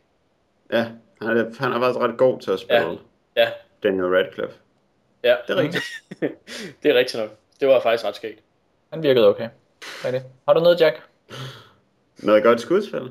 Nej, Jeg spørger dig, Altså, du er det, helt... jamen, det gik bare sådan pludselig op for mig, at jeg virkelig ikke kunne huske andet, end hvor meget jeg bare ikke forstod, hvad der foregik i filmen. Så tænkte jeg på, om der var et eller andet godt ved den. Ja. Der er ham der Vinnie Jones-klonen, der skal spille Daniel Radcliffe. Jeg tror, jeg, ja. jeg tror, filmens force er, at den ikke er lige så dårlig, som de forrige. What? Siger du, der Det- er film, der er dårligere? Det er det, jeg kan se på, hvis man ser, øh, man kan se sådan nogle oversigter over, over anmeldelser af alle Harry Potter-filmene fra forskellige sider. Og der er det så øh, den her og træeren, der er de to bedste Harry Potter-film. Det er mærkeligt. Hvor træeren bare er en god film, og alle de andre, for mig at se, er dårlige film. Men de har tjent 8 milliarder dollars, Jamen, det er godt. og det er kun biffen. Uden merchandise og DVD. Det er ikke helt øh, uanstændigt. Nej, og det har kostet 1 milliard at lave dem. Altså, der er virkelig en, der har tabet noget zeitgeist på en eller anden måde. Men det er sjovt, sådan, som jeg virkelig bare ikke kan se en eneste original idé i Harry Potter, noget som helst sted. Mm. Og det har jeg, den følelse har jeg haft lige siden jeg så den første film, at Ja. alting kan man bare sige lige med det samme, hvor det kommer fra. Og så nogle gange, så kommer man til at kalde Ron for Samwise og sådan noget. Ja. Fordi det Ja, bare det er- gør man sgu lidt. Men Ja, altså, Harry, Potter har jo sådan sin egen karakter, som han ikke rigtig spiller i den her film, vi har set. Men han har den her måde at være modig på, som, som jeg lidt ser som hans ting. okay. Men altså, den er jo kopieret fra Books of Magic. Okay, den kender jeg så ikke. Det er, det, Books of Magic er en, en Neil Gaiman tegneserie med en ung fyr, hvad er det han hedder, Timothy Hunter, Ja, det er rigtigt. øh, som har sin ule og sine briller og sin ungdom, og øh, så får han at vide, øh, you're a wizard to me. Og så, øh, så, så kører det ellers derfra. Og han er sådan lidt i troldmandsskole med sine runde Ja. briller. Den lyder Ja. meget god. ja, og det er, Okay. Og han er Ja. også modig. han er ret modig, så vidt jeg husker. Okay. Han er bare ligesom Harry Potter. det siger det meget godt. Så det, Ja. ja, det undrer mig lidt. Men altså, det, fred være med det. Gud bedre det. Lad da J.K. Rowling rulle i penge. Jeg er sikker på, at hun Ja. bruger dem på noget fornuftigt. ja. Jeg kan sagtens unde hende dem. Men øh, Ja. jeg er bare ikke særlig imponeret over Harry Potter, desværre. Nej, men så ved vi, øh, vi er jo faktisk så ikke blevet klogere på, hvorfor vi hader Harry Potter. Altså, vi, vi er blevet klogere på, hvorfor vi hader øh, Harry Potter og dødsregalierne første del. ja, det er Ja. fordi, vi simpelthen ikke ved, hvad pokker der sker.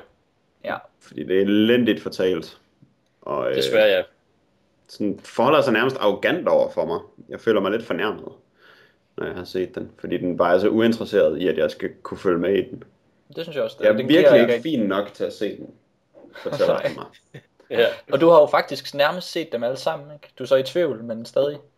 Jo, men jeg er ret sikker på, at jeg har set alle undtagen en. Eller jeg har så heller ikke set sidste del af den her. Det tror jeg, man skal gøre sig til en tjeneste lade være. Tror du det? Ja, man brænder natterne. Kan man ikke lige så godt få det overstået, hvor man har set så mange af? Men man kan også bare være en sådan sur gammel mand, der bare kun så del 1, og så ikke vil finde sig i, at man deler film op i to. Det er en god idé, det der. Jeg kan godt lide det, jeg kan godt lide det. Det gør vi. Ja, godt. Men så, øh, så ved vi, hvorfor vi hader Harry Potter. Nu skal vi vide, hvorfor vi hader Saturn. Øh, og det vil vi gerne vide, Dan. Ja. Først så vil jeg lige nævne lidt om, om Kyle Baker, den lidt enigmatiske øh, forfatter og tegner på øh, Why I Hate Saturn. Øhm, fordi jeg opdagede noget ret sjovt ved ham. Øh, han, er, øh, han er ret alternativ, øh, og det kan man også se i Why I Hate Saturn fra 1990. Men måske det mest alternative, han har øh, fået presseomtale for, det var i, Øh, i 99, hvor han uh, lavede en lille, en lille bitte, uh, jeg tror femsiders historier, der hed Letitia Lerner, Supermans babysitter. Og den, den blev øh, af en, øh, en redaktør, den blev øh, skrottet. Øh, faktisk den, øh, det magasin, den optrådte i, øh, Elseworlds 80-page Giant nummer 1, øh, hele det magasin blev skrottet i Nordamerika på grund af den her historie. Fordi at øh, der portrætteres øh, Superman som baby i en mikrobølgeovn. og, og, det var, og det var simpelthen, det var for harsk, åbenbart. Fordi så ville normale amerikanere selvfølgelig komme til at putte deres babyer i mikroovnen, ja. efter at læst den. Øhm, jeg, jeg går ud fra, at det er ligesom er ideen bag.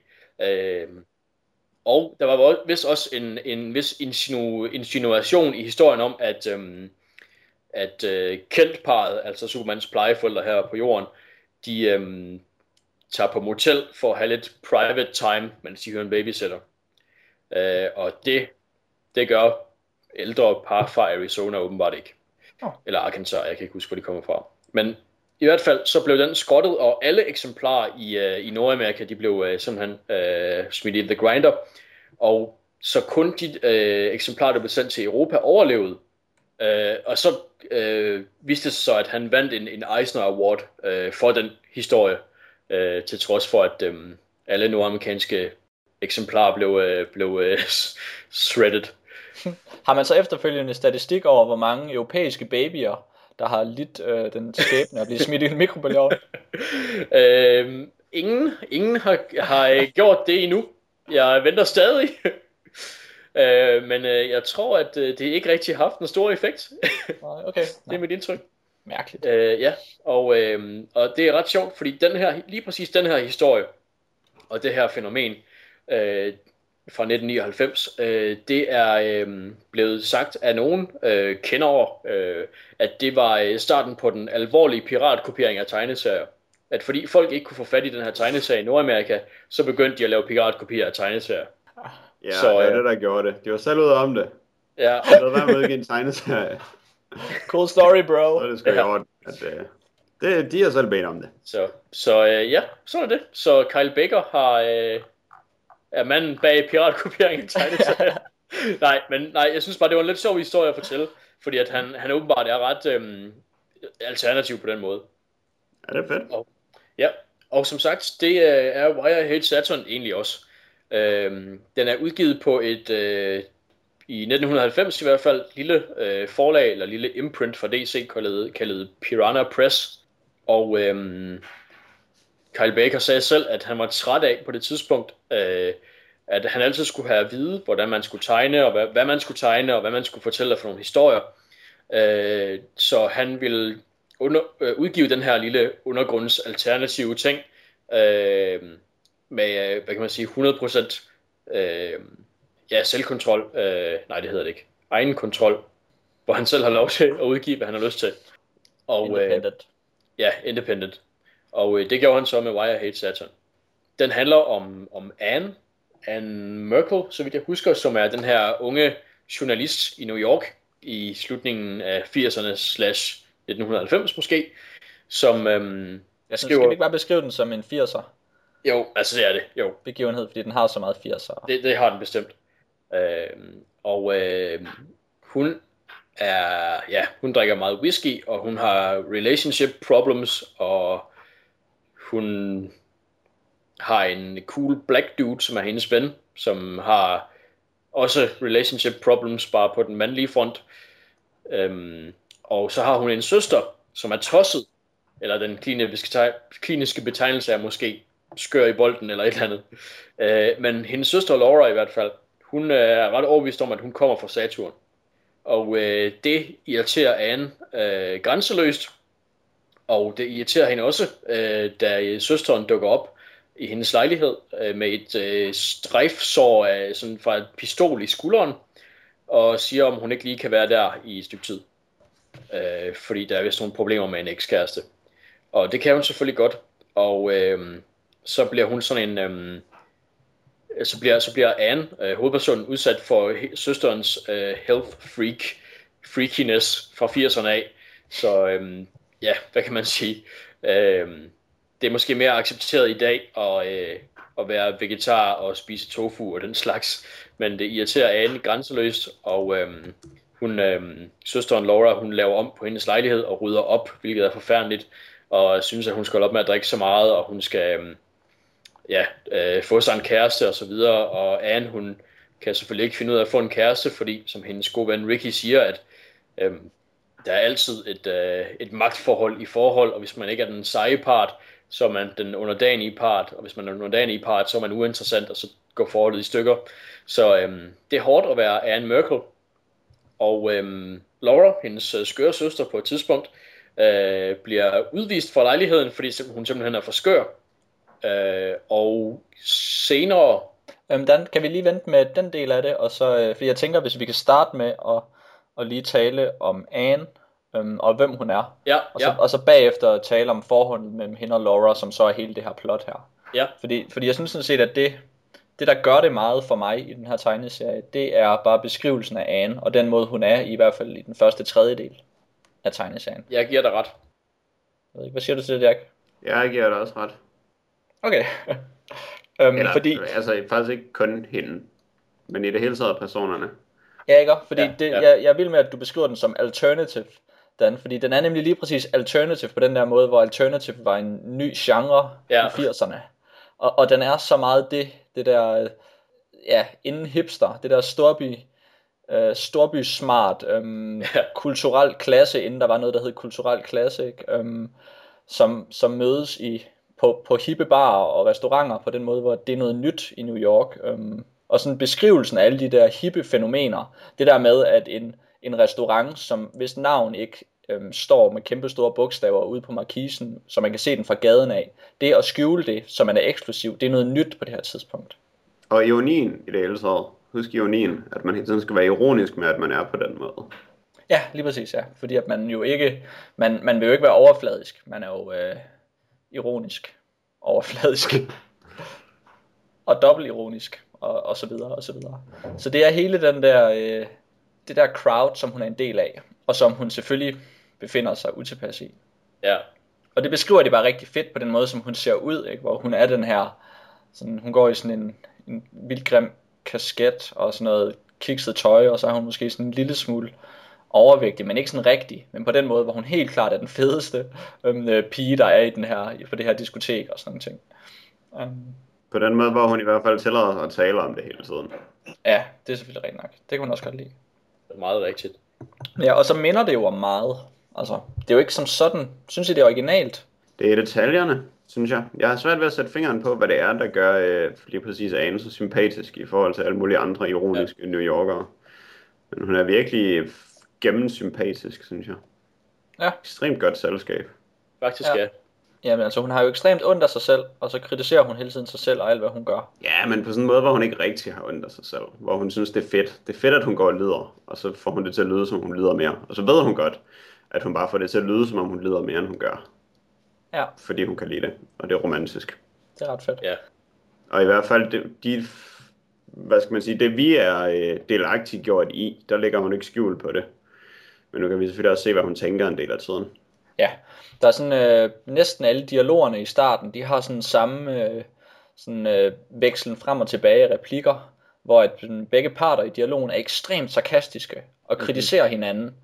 Og så til sidst, så giver de lige lidt efter, og så er man flink, og så siger man et eller andet, og så siger man måske, at den anden er fantastisk, og så bagefter siger man, at den anden er det største idiot på hele, på hele jorden. Og det er sådan en, en struktur, jeg lagde mærke til, der var i en del af samtalerne. Det ved jeg ikke, om der var noget i. Og den er sjov, fordi når hun så taler med sin søster, så er søsteren overhovedet ikke sarkastisk, men bare sådan helt deadpan, og så lyder det vildt sarkastisk. Ja, at hun ikke er det. Mm. det er Ja, rigtigt.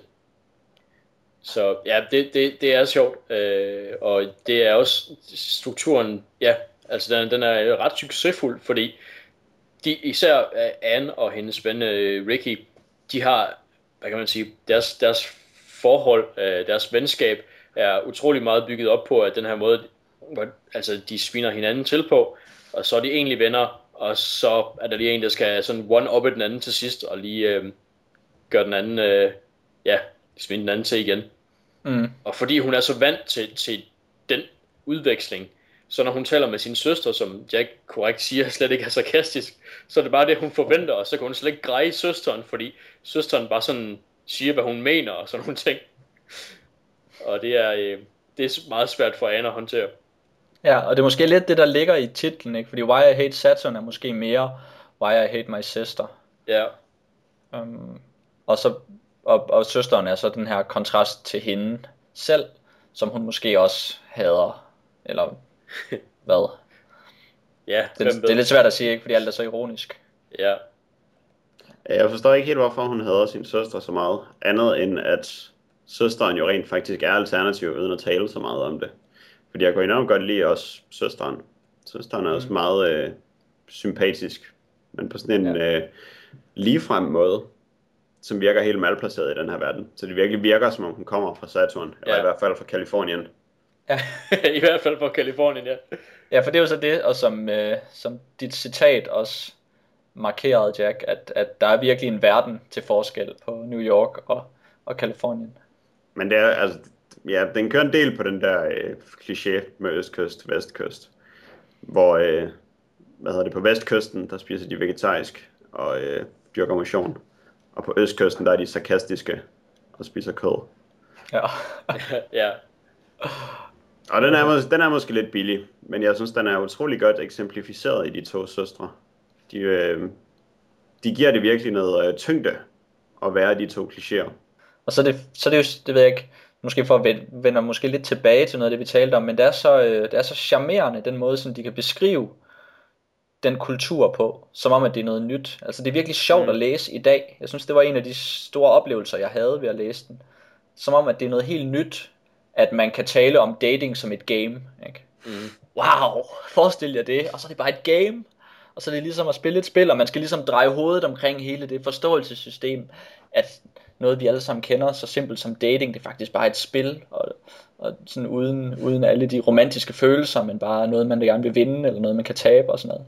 Og det er, ja, det er ret charmerende ja. at, at, at, at opleve det, synes jeg.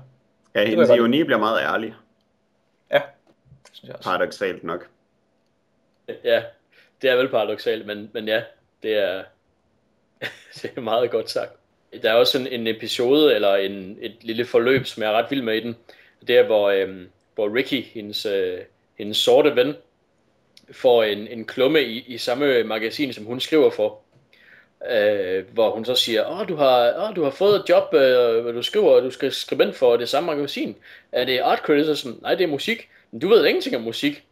Øh, nej, men det er heller ikke nødvendigt. Og så tæller de så lidt frem og tilbage om det. Og så viser det sig så, at det er bare fordi, han er sort, og så skal han skrive om sort kultur.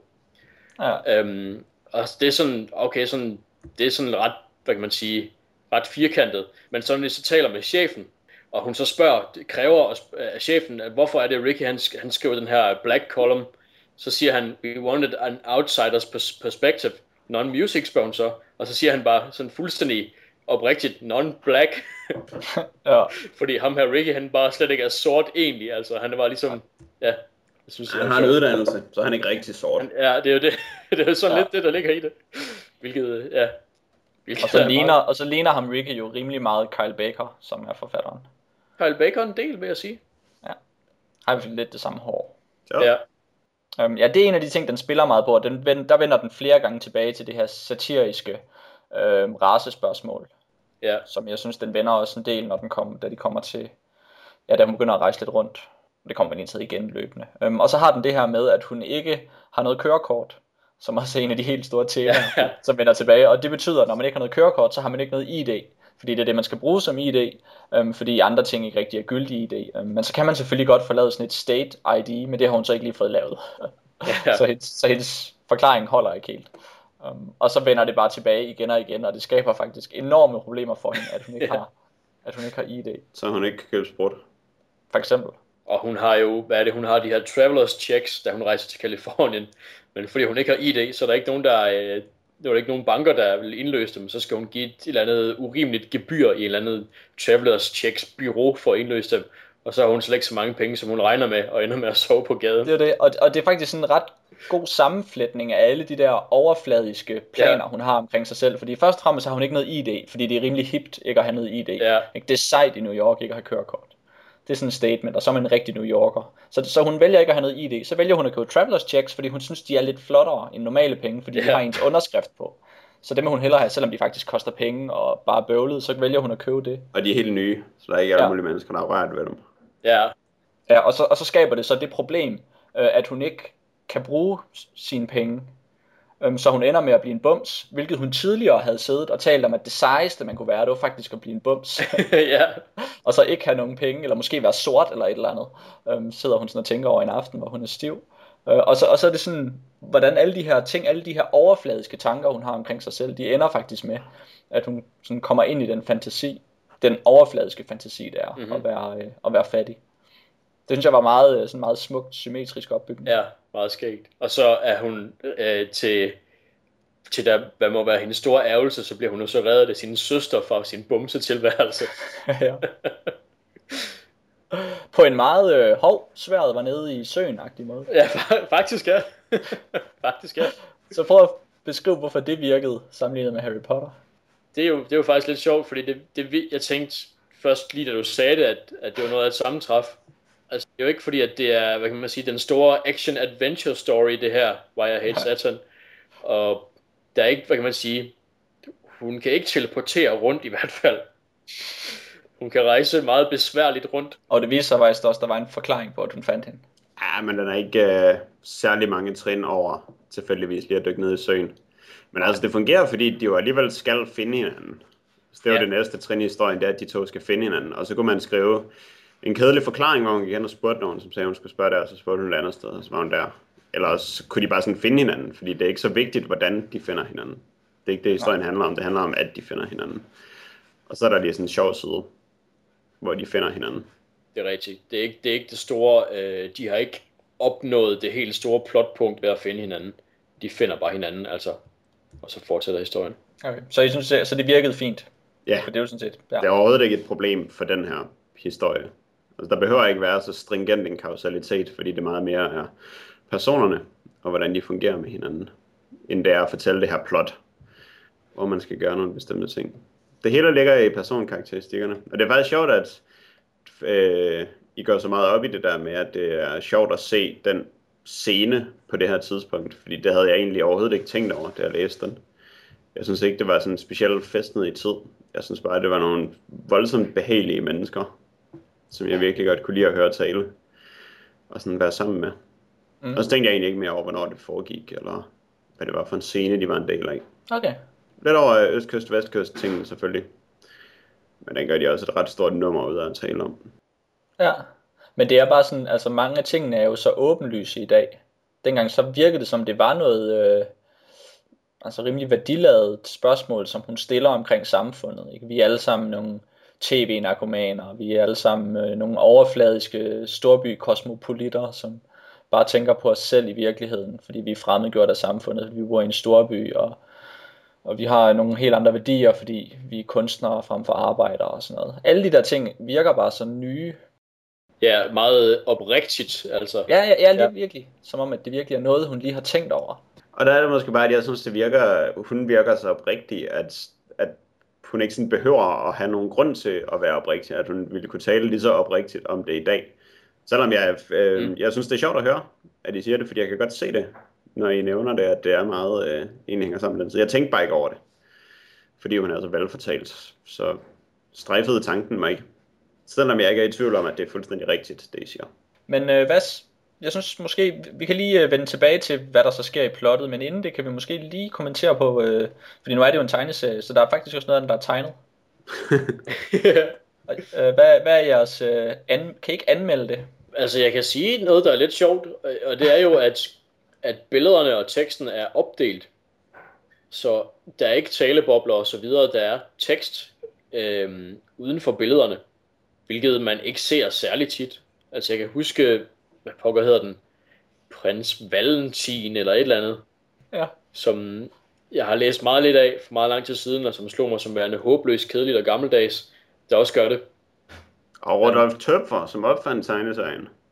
Det er rigtigt. Man kan sige, det er faktisk øh, den oprindelige tegneserie at gøre det på den måde. Ja, ja han, har, han har selvfølgelig lov. Øhm, men, men det er et sjovt øh, valg, tænkte jeg, da jeg læste den. Ja. Og det slog mig, at øh, ja, jeg ved ikke, altså det er, jo, det er jo hende, det er jo Anne, der fortæller historien, så jeg tænker sådan lidt, at, eller ja, det jeg forestiller mig, øh, det er sådan lidt, at, at billederne, de er sådan lidt af, af de her snaps, snapshots af hendes oplevelser, og så øh, den øh, følge, følgende tekst, det ligesom er, er hendes memoirs, eller et eller andet, hun skriver ned, det bliver sådan lidt mere journalistagtigt på en eller anden måde, hvilket jeg synes, der passer meget godt til historien. Ja, okay. Jeg synes, at den er helt fantastisk tegnet, faktisk. Jeg synes, jeg forstår ikke, hvorfor forsiden er så afsindigt tudegrim på den her tegneserie. Da jeg så den, så Okay, tænkte ja. jeg virkelig, hvorfor helvede skal jeg læse det her? Ja. Og det er Virkelig og det er dårlig helt forside. Forfejlet, fordi den er helt fantastisk tegnet. Og den er meget... Øh, altså det er fedt, at han har frie hænder til at lave det, som han laver. Fordi det er meget tydeligt, at der er en høj grad af grafiation i den her tegneserie. Altså man er virkelig i kontakt med øh, det skabende subjekt bag de her tegninger. Man kan se, hvordan øh, stregerne er tegnet af en person, og hvordan han har lagt dem oven på hinanden. Og, øh, og man får den der forbindelse til den visuelle fortæller, som man tit ikke gør med tegneserier, fordi de er rentegnet og tegnet om og farvelagt, og der er mange hænder hen over det, og det hele er gjort meget rent. Så det her er meget øh, skitseagtigt, og nogle gange så bliver det jo helt karikeret. Især så er der øh, utrolig mange fede, overraskede ansigtsudtryk i den, når de får sådan nogle store munde og bliver chokeret over noget, de andre siger, som ser helt vildt sjovt ud, og som fungerer utrolig godt i historien. Ja, Men en meget øh, personlig stil, og der er utrolig mange af tegningerne, som bare er de samme to ansigter, set fra lidt forskellige vinkler med lidt forskellige ansigtsudtryk. Så man kunne forestille sig, at den ville blive til noget kedeligt copy-paste, copy-paste talking heads, men øh, hvor han virkelig forstår at justere nuancerne i deres ansigtsudtryk, så de virkelig fortæller med deres ansigtsudtryk, lige så meget som de fortæller med deres replikker. Og derfor er det egentlig også fedt, at teksten er adskilt fra billederne, fordi der bliver fortalt så meget i billederne, at altså hvis der var talebobler i billederne, så ville der være mindre af billederne, og det ville være ærgerligt at gå glip af noget, synes jeg. Selvom det, det ligner en simpel stil, så er, der, så er det utroligt detaljeret, og der er utrolig meget betydning i hver eneste detalje. Ja, Okay, well put. Det er, hvad jeg får ud af at bruge ordet anmelde, åbenbart. ja. Men, men det er rigtigt. præcise beskrivelser af, hvad der sker. Det må vi hellere holde op med igen. Det, det er rigtigt. at Jeg var også meget imponeret over øh, lige præcis det der med talking heads, altså fordi det kan virkelig være så kedeligt. Men Kyle Baker, han kan virkelig faktisk gøre det, så det ikke er kedeligt. Og det er en, en stor præstation faktisk. Han minder mig lidt om uh, Eddie Campbell, som jo også er en grafiationens mester, der virkelig kan sidde og lave sådan nogle skitser, der bare ser så godt ud, og som fortæller så meget. Men altså, det er jo virkelig altså, lav opløsning. Det, det er forholdsvis simple. Alt er sort, altså ikke hvid, men gullig. Um, og sådan meget, øh, ja, sådan en lav, en lav øh, opløsning, lav definition af, man får ikke særlig meget at vide, men det man får at vide, det er rimelig præcist. Uh, det ved jeg ikke helt, om, om man kan sige. Altså, Nej, uh, altså jo, det er, ikke, øh, det er ikke fyldt med mange detaljer. Det er Nej, altså, ikonografisk. altså hvis vi tager en, øh, en, et billede af, at de sidder på en, øh, en bar i New York og drikker øl og taler, og man får ikke rigtig en fornemmelse af den der bar. Det gør jeg i hvert fald ikke. Jeg får bare en fornemmelse af de to mennesker, som jeg ser i billedet. Der er ikke rigtig, der er ikke nok øh, detaljering af baggrundene omkring dem og folkene omkring dem til, at jeg helt, helt kan danne mig et billede af det. Udover, så putter jeg så min egen Nej, idé netop. om en New Yorker bar ind, ikke? Og så, og så putter, jeg, putter jeg bare de to mennesker ind i min egen idé. Men altså, du ser jo, hvordan at der, der sådan er zoomet helt ind på dem, så man sådan nærmest står klaustrofobisk tæt på dem hele tiden, og tit kan man ikke se hele deres ansigt. Ja. Så man får jo den der fornemmelse af, at man ikke kan se barn alligevel, fordi der er så mange mennesker, og så råber de hele tiden, mens de taler. Så man kan heller ikke rigtig høre noget om, hvad der foregår i barn. Ja. Så man skal virkelig gøre sig umage for at høre det, de råber, og så kan man ikke rigtig se andet end dem, fordi man skal koncentrere sig så meget om dem. I den her totalt irriterende crap bar. Og det giver jo en øh, mulighed for selv at forestille sig barn. Ja, og så som- er der jo som- to ret store tegninger af barn til at sætte scenen, som kapitlet starter med. Ja, okay. Nå, ja, ja, det husker jeg ikke sådan vildt godt. Men, men er det sådan, så man har en fornemmelse af stemningen, eller har man bare en fornemmelse af layoutet af den bar? Altså, man har en fornemmelse af stemningen, synes jeg, med de Okay. uh, blotlagte rør i loftet, og de bare murstensmure, Okay. at det sådan virkelig er crappy. Ja. Ja. Og så tror jeg også, det er et bevidst valg at fokusere på mennesker i, i cirka alle paneler. Altså det er så, hvad kan man sige, en, en menneskecentrisk tegneserie, at, øhm, at omgivelserne de er lidt, øhm, tit lidt irrelevante. Ja, det er det. Det er rigtigt, men jeg synes alligevel, at hvis man sammenligner med øh, den første samtale, de har på den der Mexibar, så får man også det store panel til at øh, vise Mexibaren til at starte med, og så zoomer det sådan ind på dem, der sidder og taler, men der kommer hele tiden, altså for eksempel servitriser ind, og man ser mennesker i baggrunden, hvor det sådan bløder lidt op i forhold til dem. Hvor det i baren er meget tydeligt, at det sådan er klemt helt ind, at man står virkelig tæt på dem, og at det er et tæt pakket sted, man er, hvor der ikke er plads til at se sig omkring og se på andre mennesker, men kun til at råbe til hinanden. Det er en eneste sådan reelle afvielse, den har fra formen. Er det det der oversigtskort af busturen? Ja, Det tror jeg. Som er sådan en rimelig uh, satirisk beskrivelse af, hvor ringe det er at køre i bus. Men som europæer kalder man bare, tænker man bare, hvor ringe det er at køre bus i, i USA, faktisk. Fordi jeg ved ikke, om New York busser er så meget bedre. Altså New Så- York busser kører ikke nogen steder hen, som man skal bruge det til. Altså hvis man sådan skal køre på skråt i New York, så er det jo umuligt at gøre med en bus. Så er man nødt til at tage sådan en bus i en lille linje helt op, og så i, på tværs på den anden led. Men ja, der er det der buskort, hvor man selvfølgelig godt kan se, hvad ideen er med at lave det, men jeg synes ikke, det fungerede særlig godt. Nej. Jeg synes, det var irriterende, at den der sådan ramblende fortælling om, at så drejede bussen, og så drejede bussen, og så drejede bussen, og så drejede bussen. Det er ikke særligt underholdende. Det er ikke det mest vidige, hun skriver. Nej. Man kan selvfølgelig godt genkende fornemmelsen af at køre i en bus, som man ikke har kørt med før. Og så tænker man hele tiden, wow, skal jeg være steder i før, fordi nu drejer den en anden retning, så jeg måske kommer længere væk. Men, Men den fornemmelse har man jo ikke et oversigtskort, når man... Altså, så skulle man have beskrivelsen uden oversigtskortet, hvis det skulle være forvirringen, man skulle forstå. Det er mere bare øh, stupiditeten af busruten, den viser. Fordi det er et oversigtskort, man ser, hvor der er en totalt åndssvag snørklet rute, den her bus kører, som væver ud af ind af hinanden, og gør, at man aldrig rigtig ved, om man skal stå af her, eller om en halv time. men jeg synes ikke helt, man har oversigtskortet på den måde, fordi man følger jo teksten rundt. Øh, og hvis man gør det, så ved man jo ikke rigtig, hvor den kommer til at dreje hen, før man når hen til det, mens man læser rundt i den der rute. Så på den måde synes jeg egentlig, det fungerede meget godt til at... Øh, også fordi det blev forklaret igen og igen i teksten, som man læste imens selvfølgelig. Øhm, men jeg synes, at det var, det var unødvendigt gimmicky og ikke særlig underholdende. Men det er så en side ud af de 210. Ja. Ja. Og så, øh, så kan vi vende tilbage til det plot, halløj. Fordi så foregår der jo, så kommer der til at ske noget. Man kan sige, første del er hun i, i New York. Øhm, så er der sådan en, en, et sceneskift, en art. Altså hun er i New York, ting går rimelig dårligt. Øh, hun kan ikke lide sin søster. Og så øh, alligevel, så, øh, så pludselig, så, øh, så springer den frem i tid. Og så er vores hovedperson blevet køn. Det var sådan en rimelig sjovt hop, synes jeg ikke? Jo, det der, hvor hun pludselig ser anderledes ud, og så taler hun med Ricky i en elevator, og Ricky genkender hende ikke, men prøver at score hende. Og vi genkender ja. hende heller ikke, Nej. Fordi hun pludselig ser anderledes ud. ja. Og det var sjovt. Det var det. Øhm, og så, så foregår ting lidt mere i New York, og så er det, hun bliver involveret i det her plot øh, med sin søster, fordi søsteren jo øh, er blevet skudt i en periode, og så, øh, og så forsvinder søsteren efterfølgende. Øhm, og det går op for vores hovedperson, at, at hendes søster Laura er i problemer, og at hun skal reddes. Ja. Og så er det ellers, hun tager på den her rejse.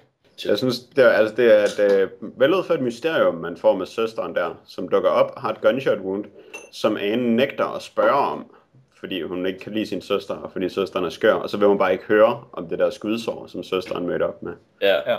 Og så går man og undrer sig over, hvad det er. Og det der. ligger, det ligger også lidt i scenen, at det er sådan rimelig sejt at have et skudsår. Og at der er nogen, der sådan føler noget så kraftigt for hende, at de har brug for at skyde hende. Det tror jeg også, vores hovedperson er lidt jaloux på. Ja, nemlig. Fordi hun har ikke Ja. engang nogen fjender rigtigt.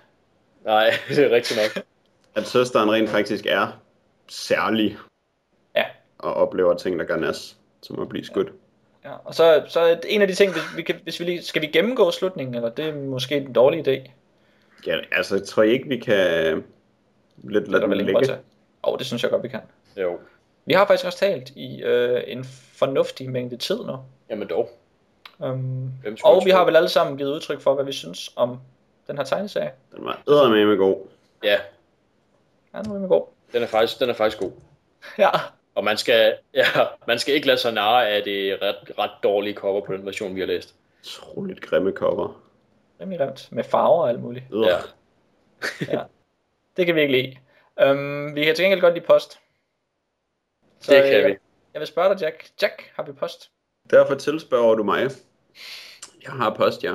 Øhm, skal jeg bare gå i gang, eller skal vi tage e-postadressen først? Eller, Ej, lad os uh, starte med at... Lad os, lad os se, om, om vi ikke husker det senere. okay. Ja.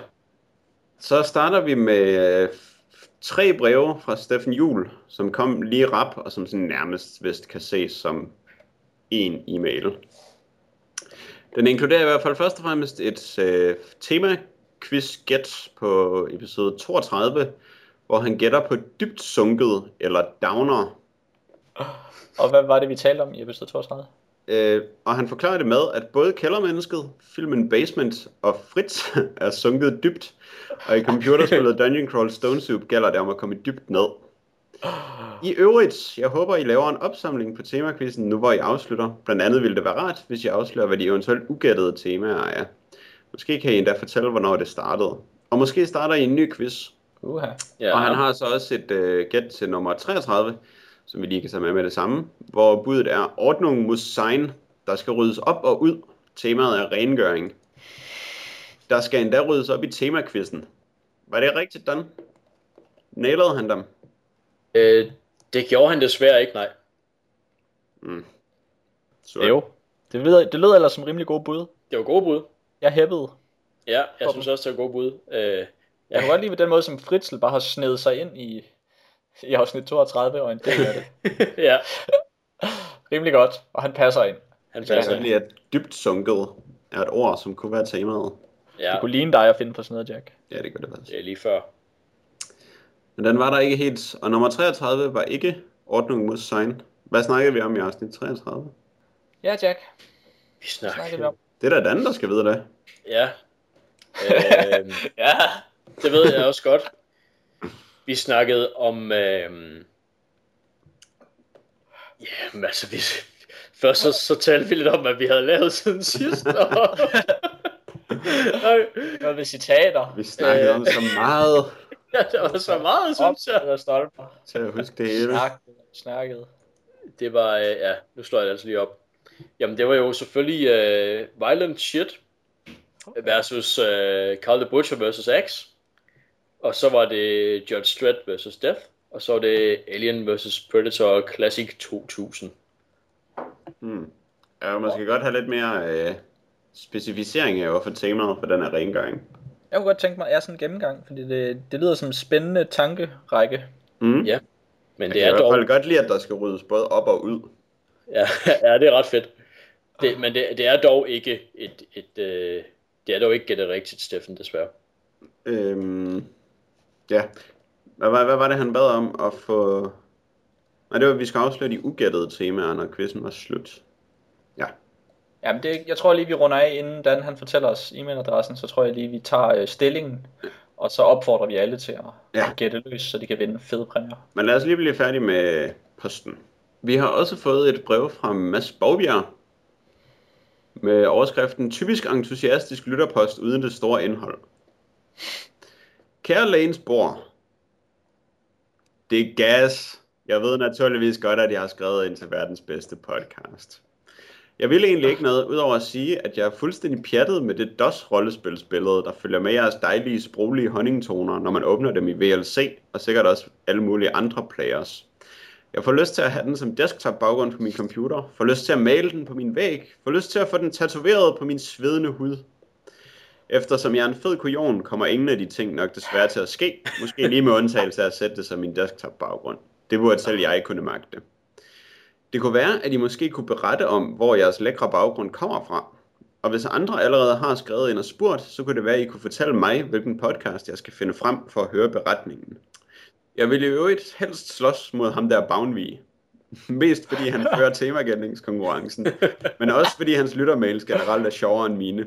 Apropos temagætning, så tror jeg, at temaet for podcast nummer 32 er Fugt. Møs Møs fra Mads Borgbjerg. Altså Jack, har du en finger med i spillet her? Øh, hvilken finger tænker du på? Jeg tænker, at al den snak om DOS rollespilsbaggrund. Jamen det ved jeg ikke. Jeg, jeg er faktisk lidt i tvivl om, hvad det er, han taler om. Fordi ja, episode 32 havde et screenshot fra Dungeon Crawl Stone Soup som cover. Ja. Men det lyder som om, at her er et eller andet som øh, et DOS-rollespilsbillede, som følger med til alting. Og det skal jeg sige, det er jo ikke et DOS. Det var bare command line.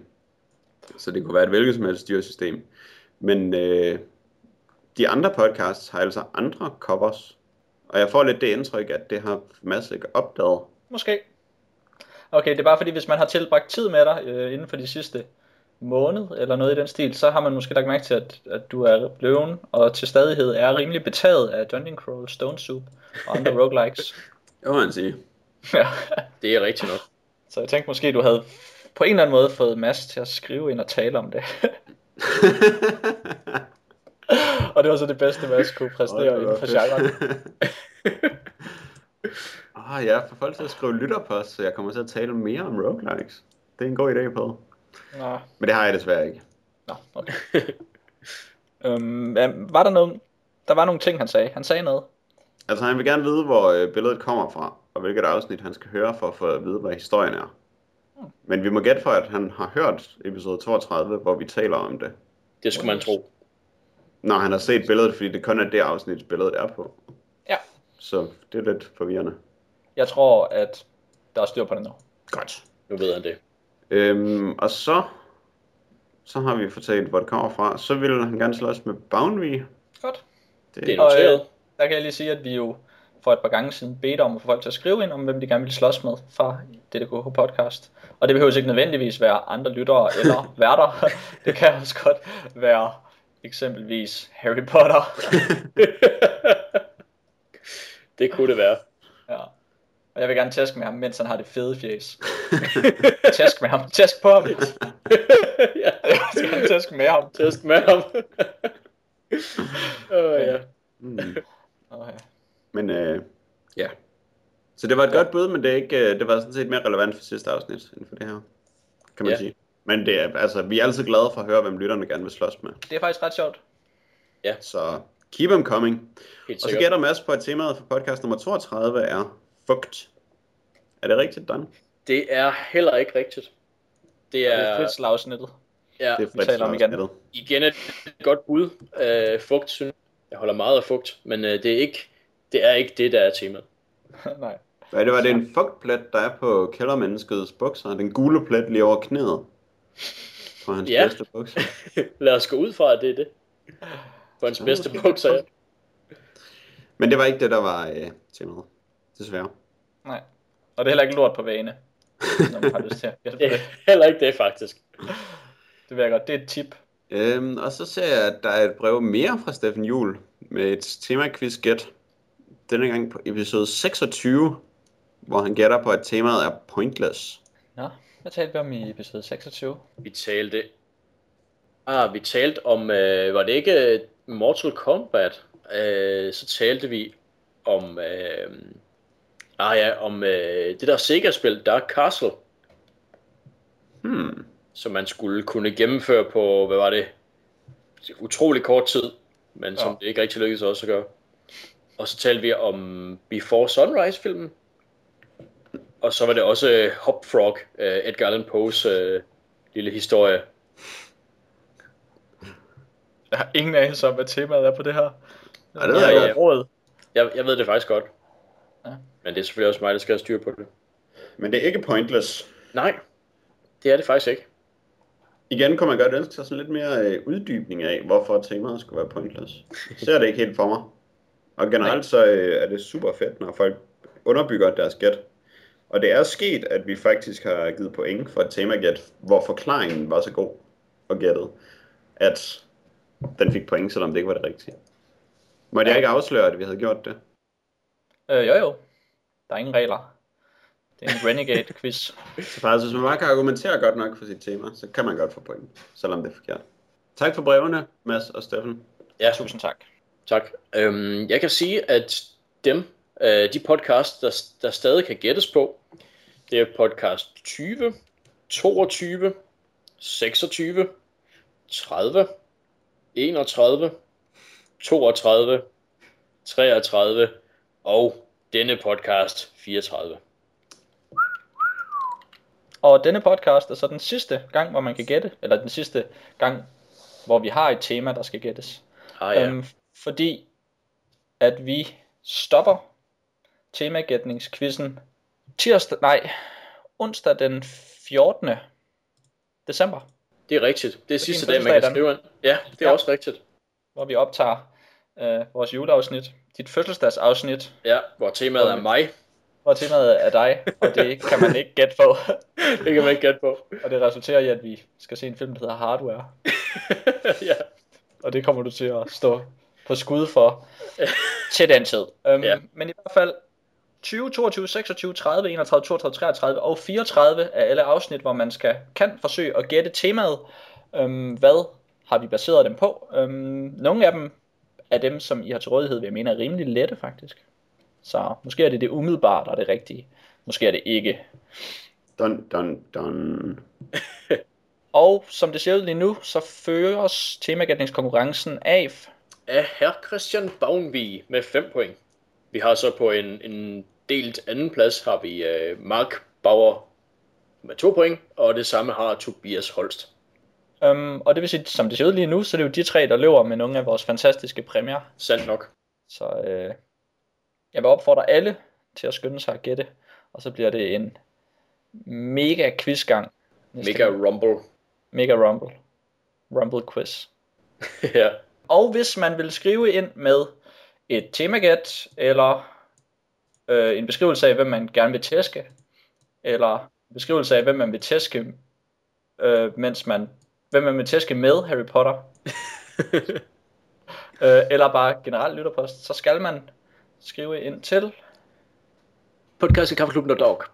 Superdan. Øhm, kan du måske sige, at folk de øh, meget gerne må fortælle os, hvordan de får fat i vores podcast? Ja. Bare lige, bare lige et enkelt ord.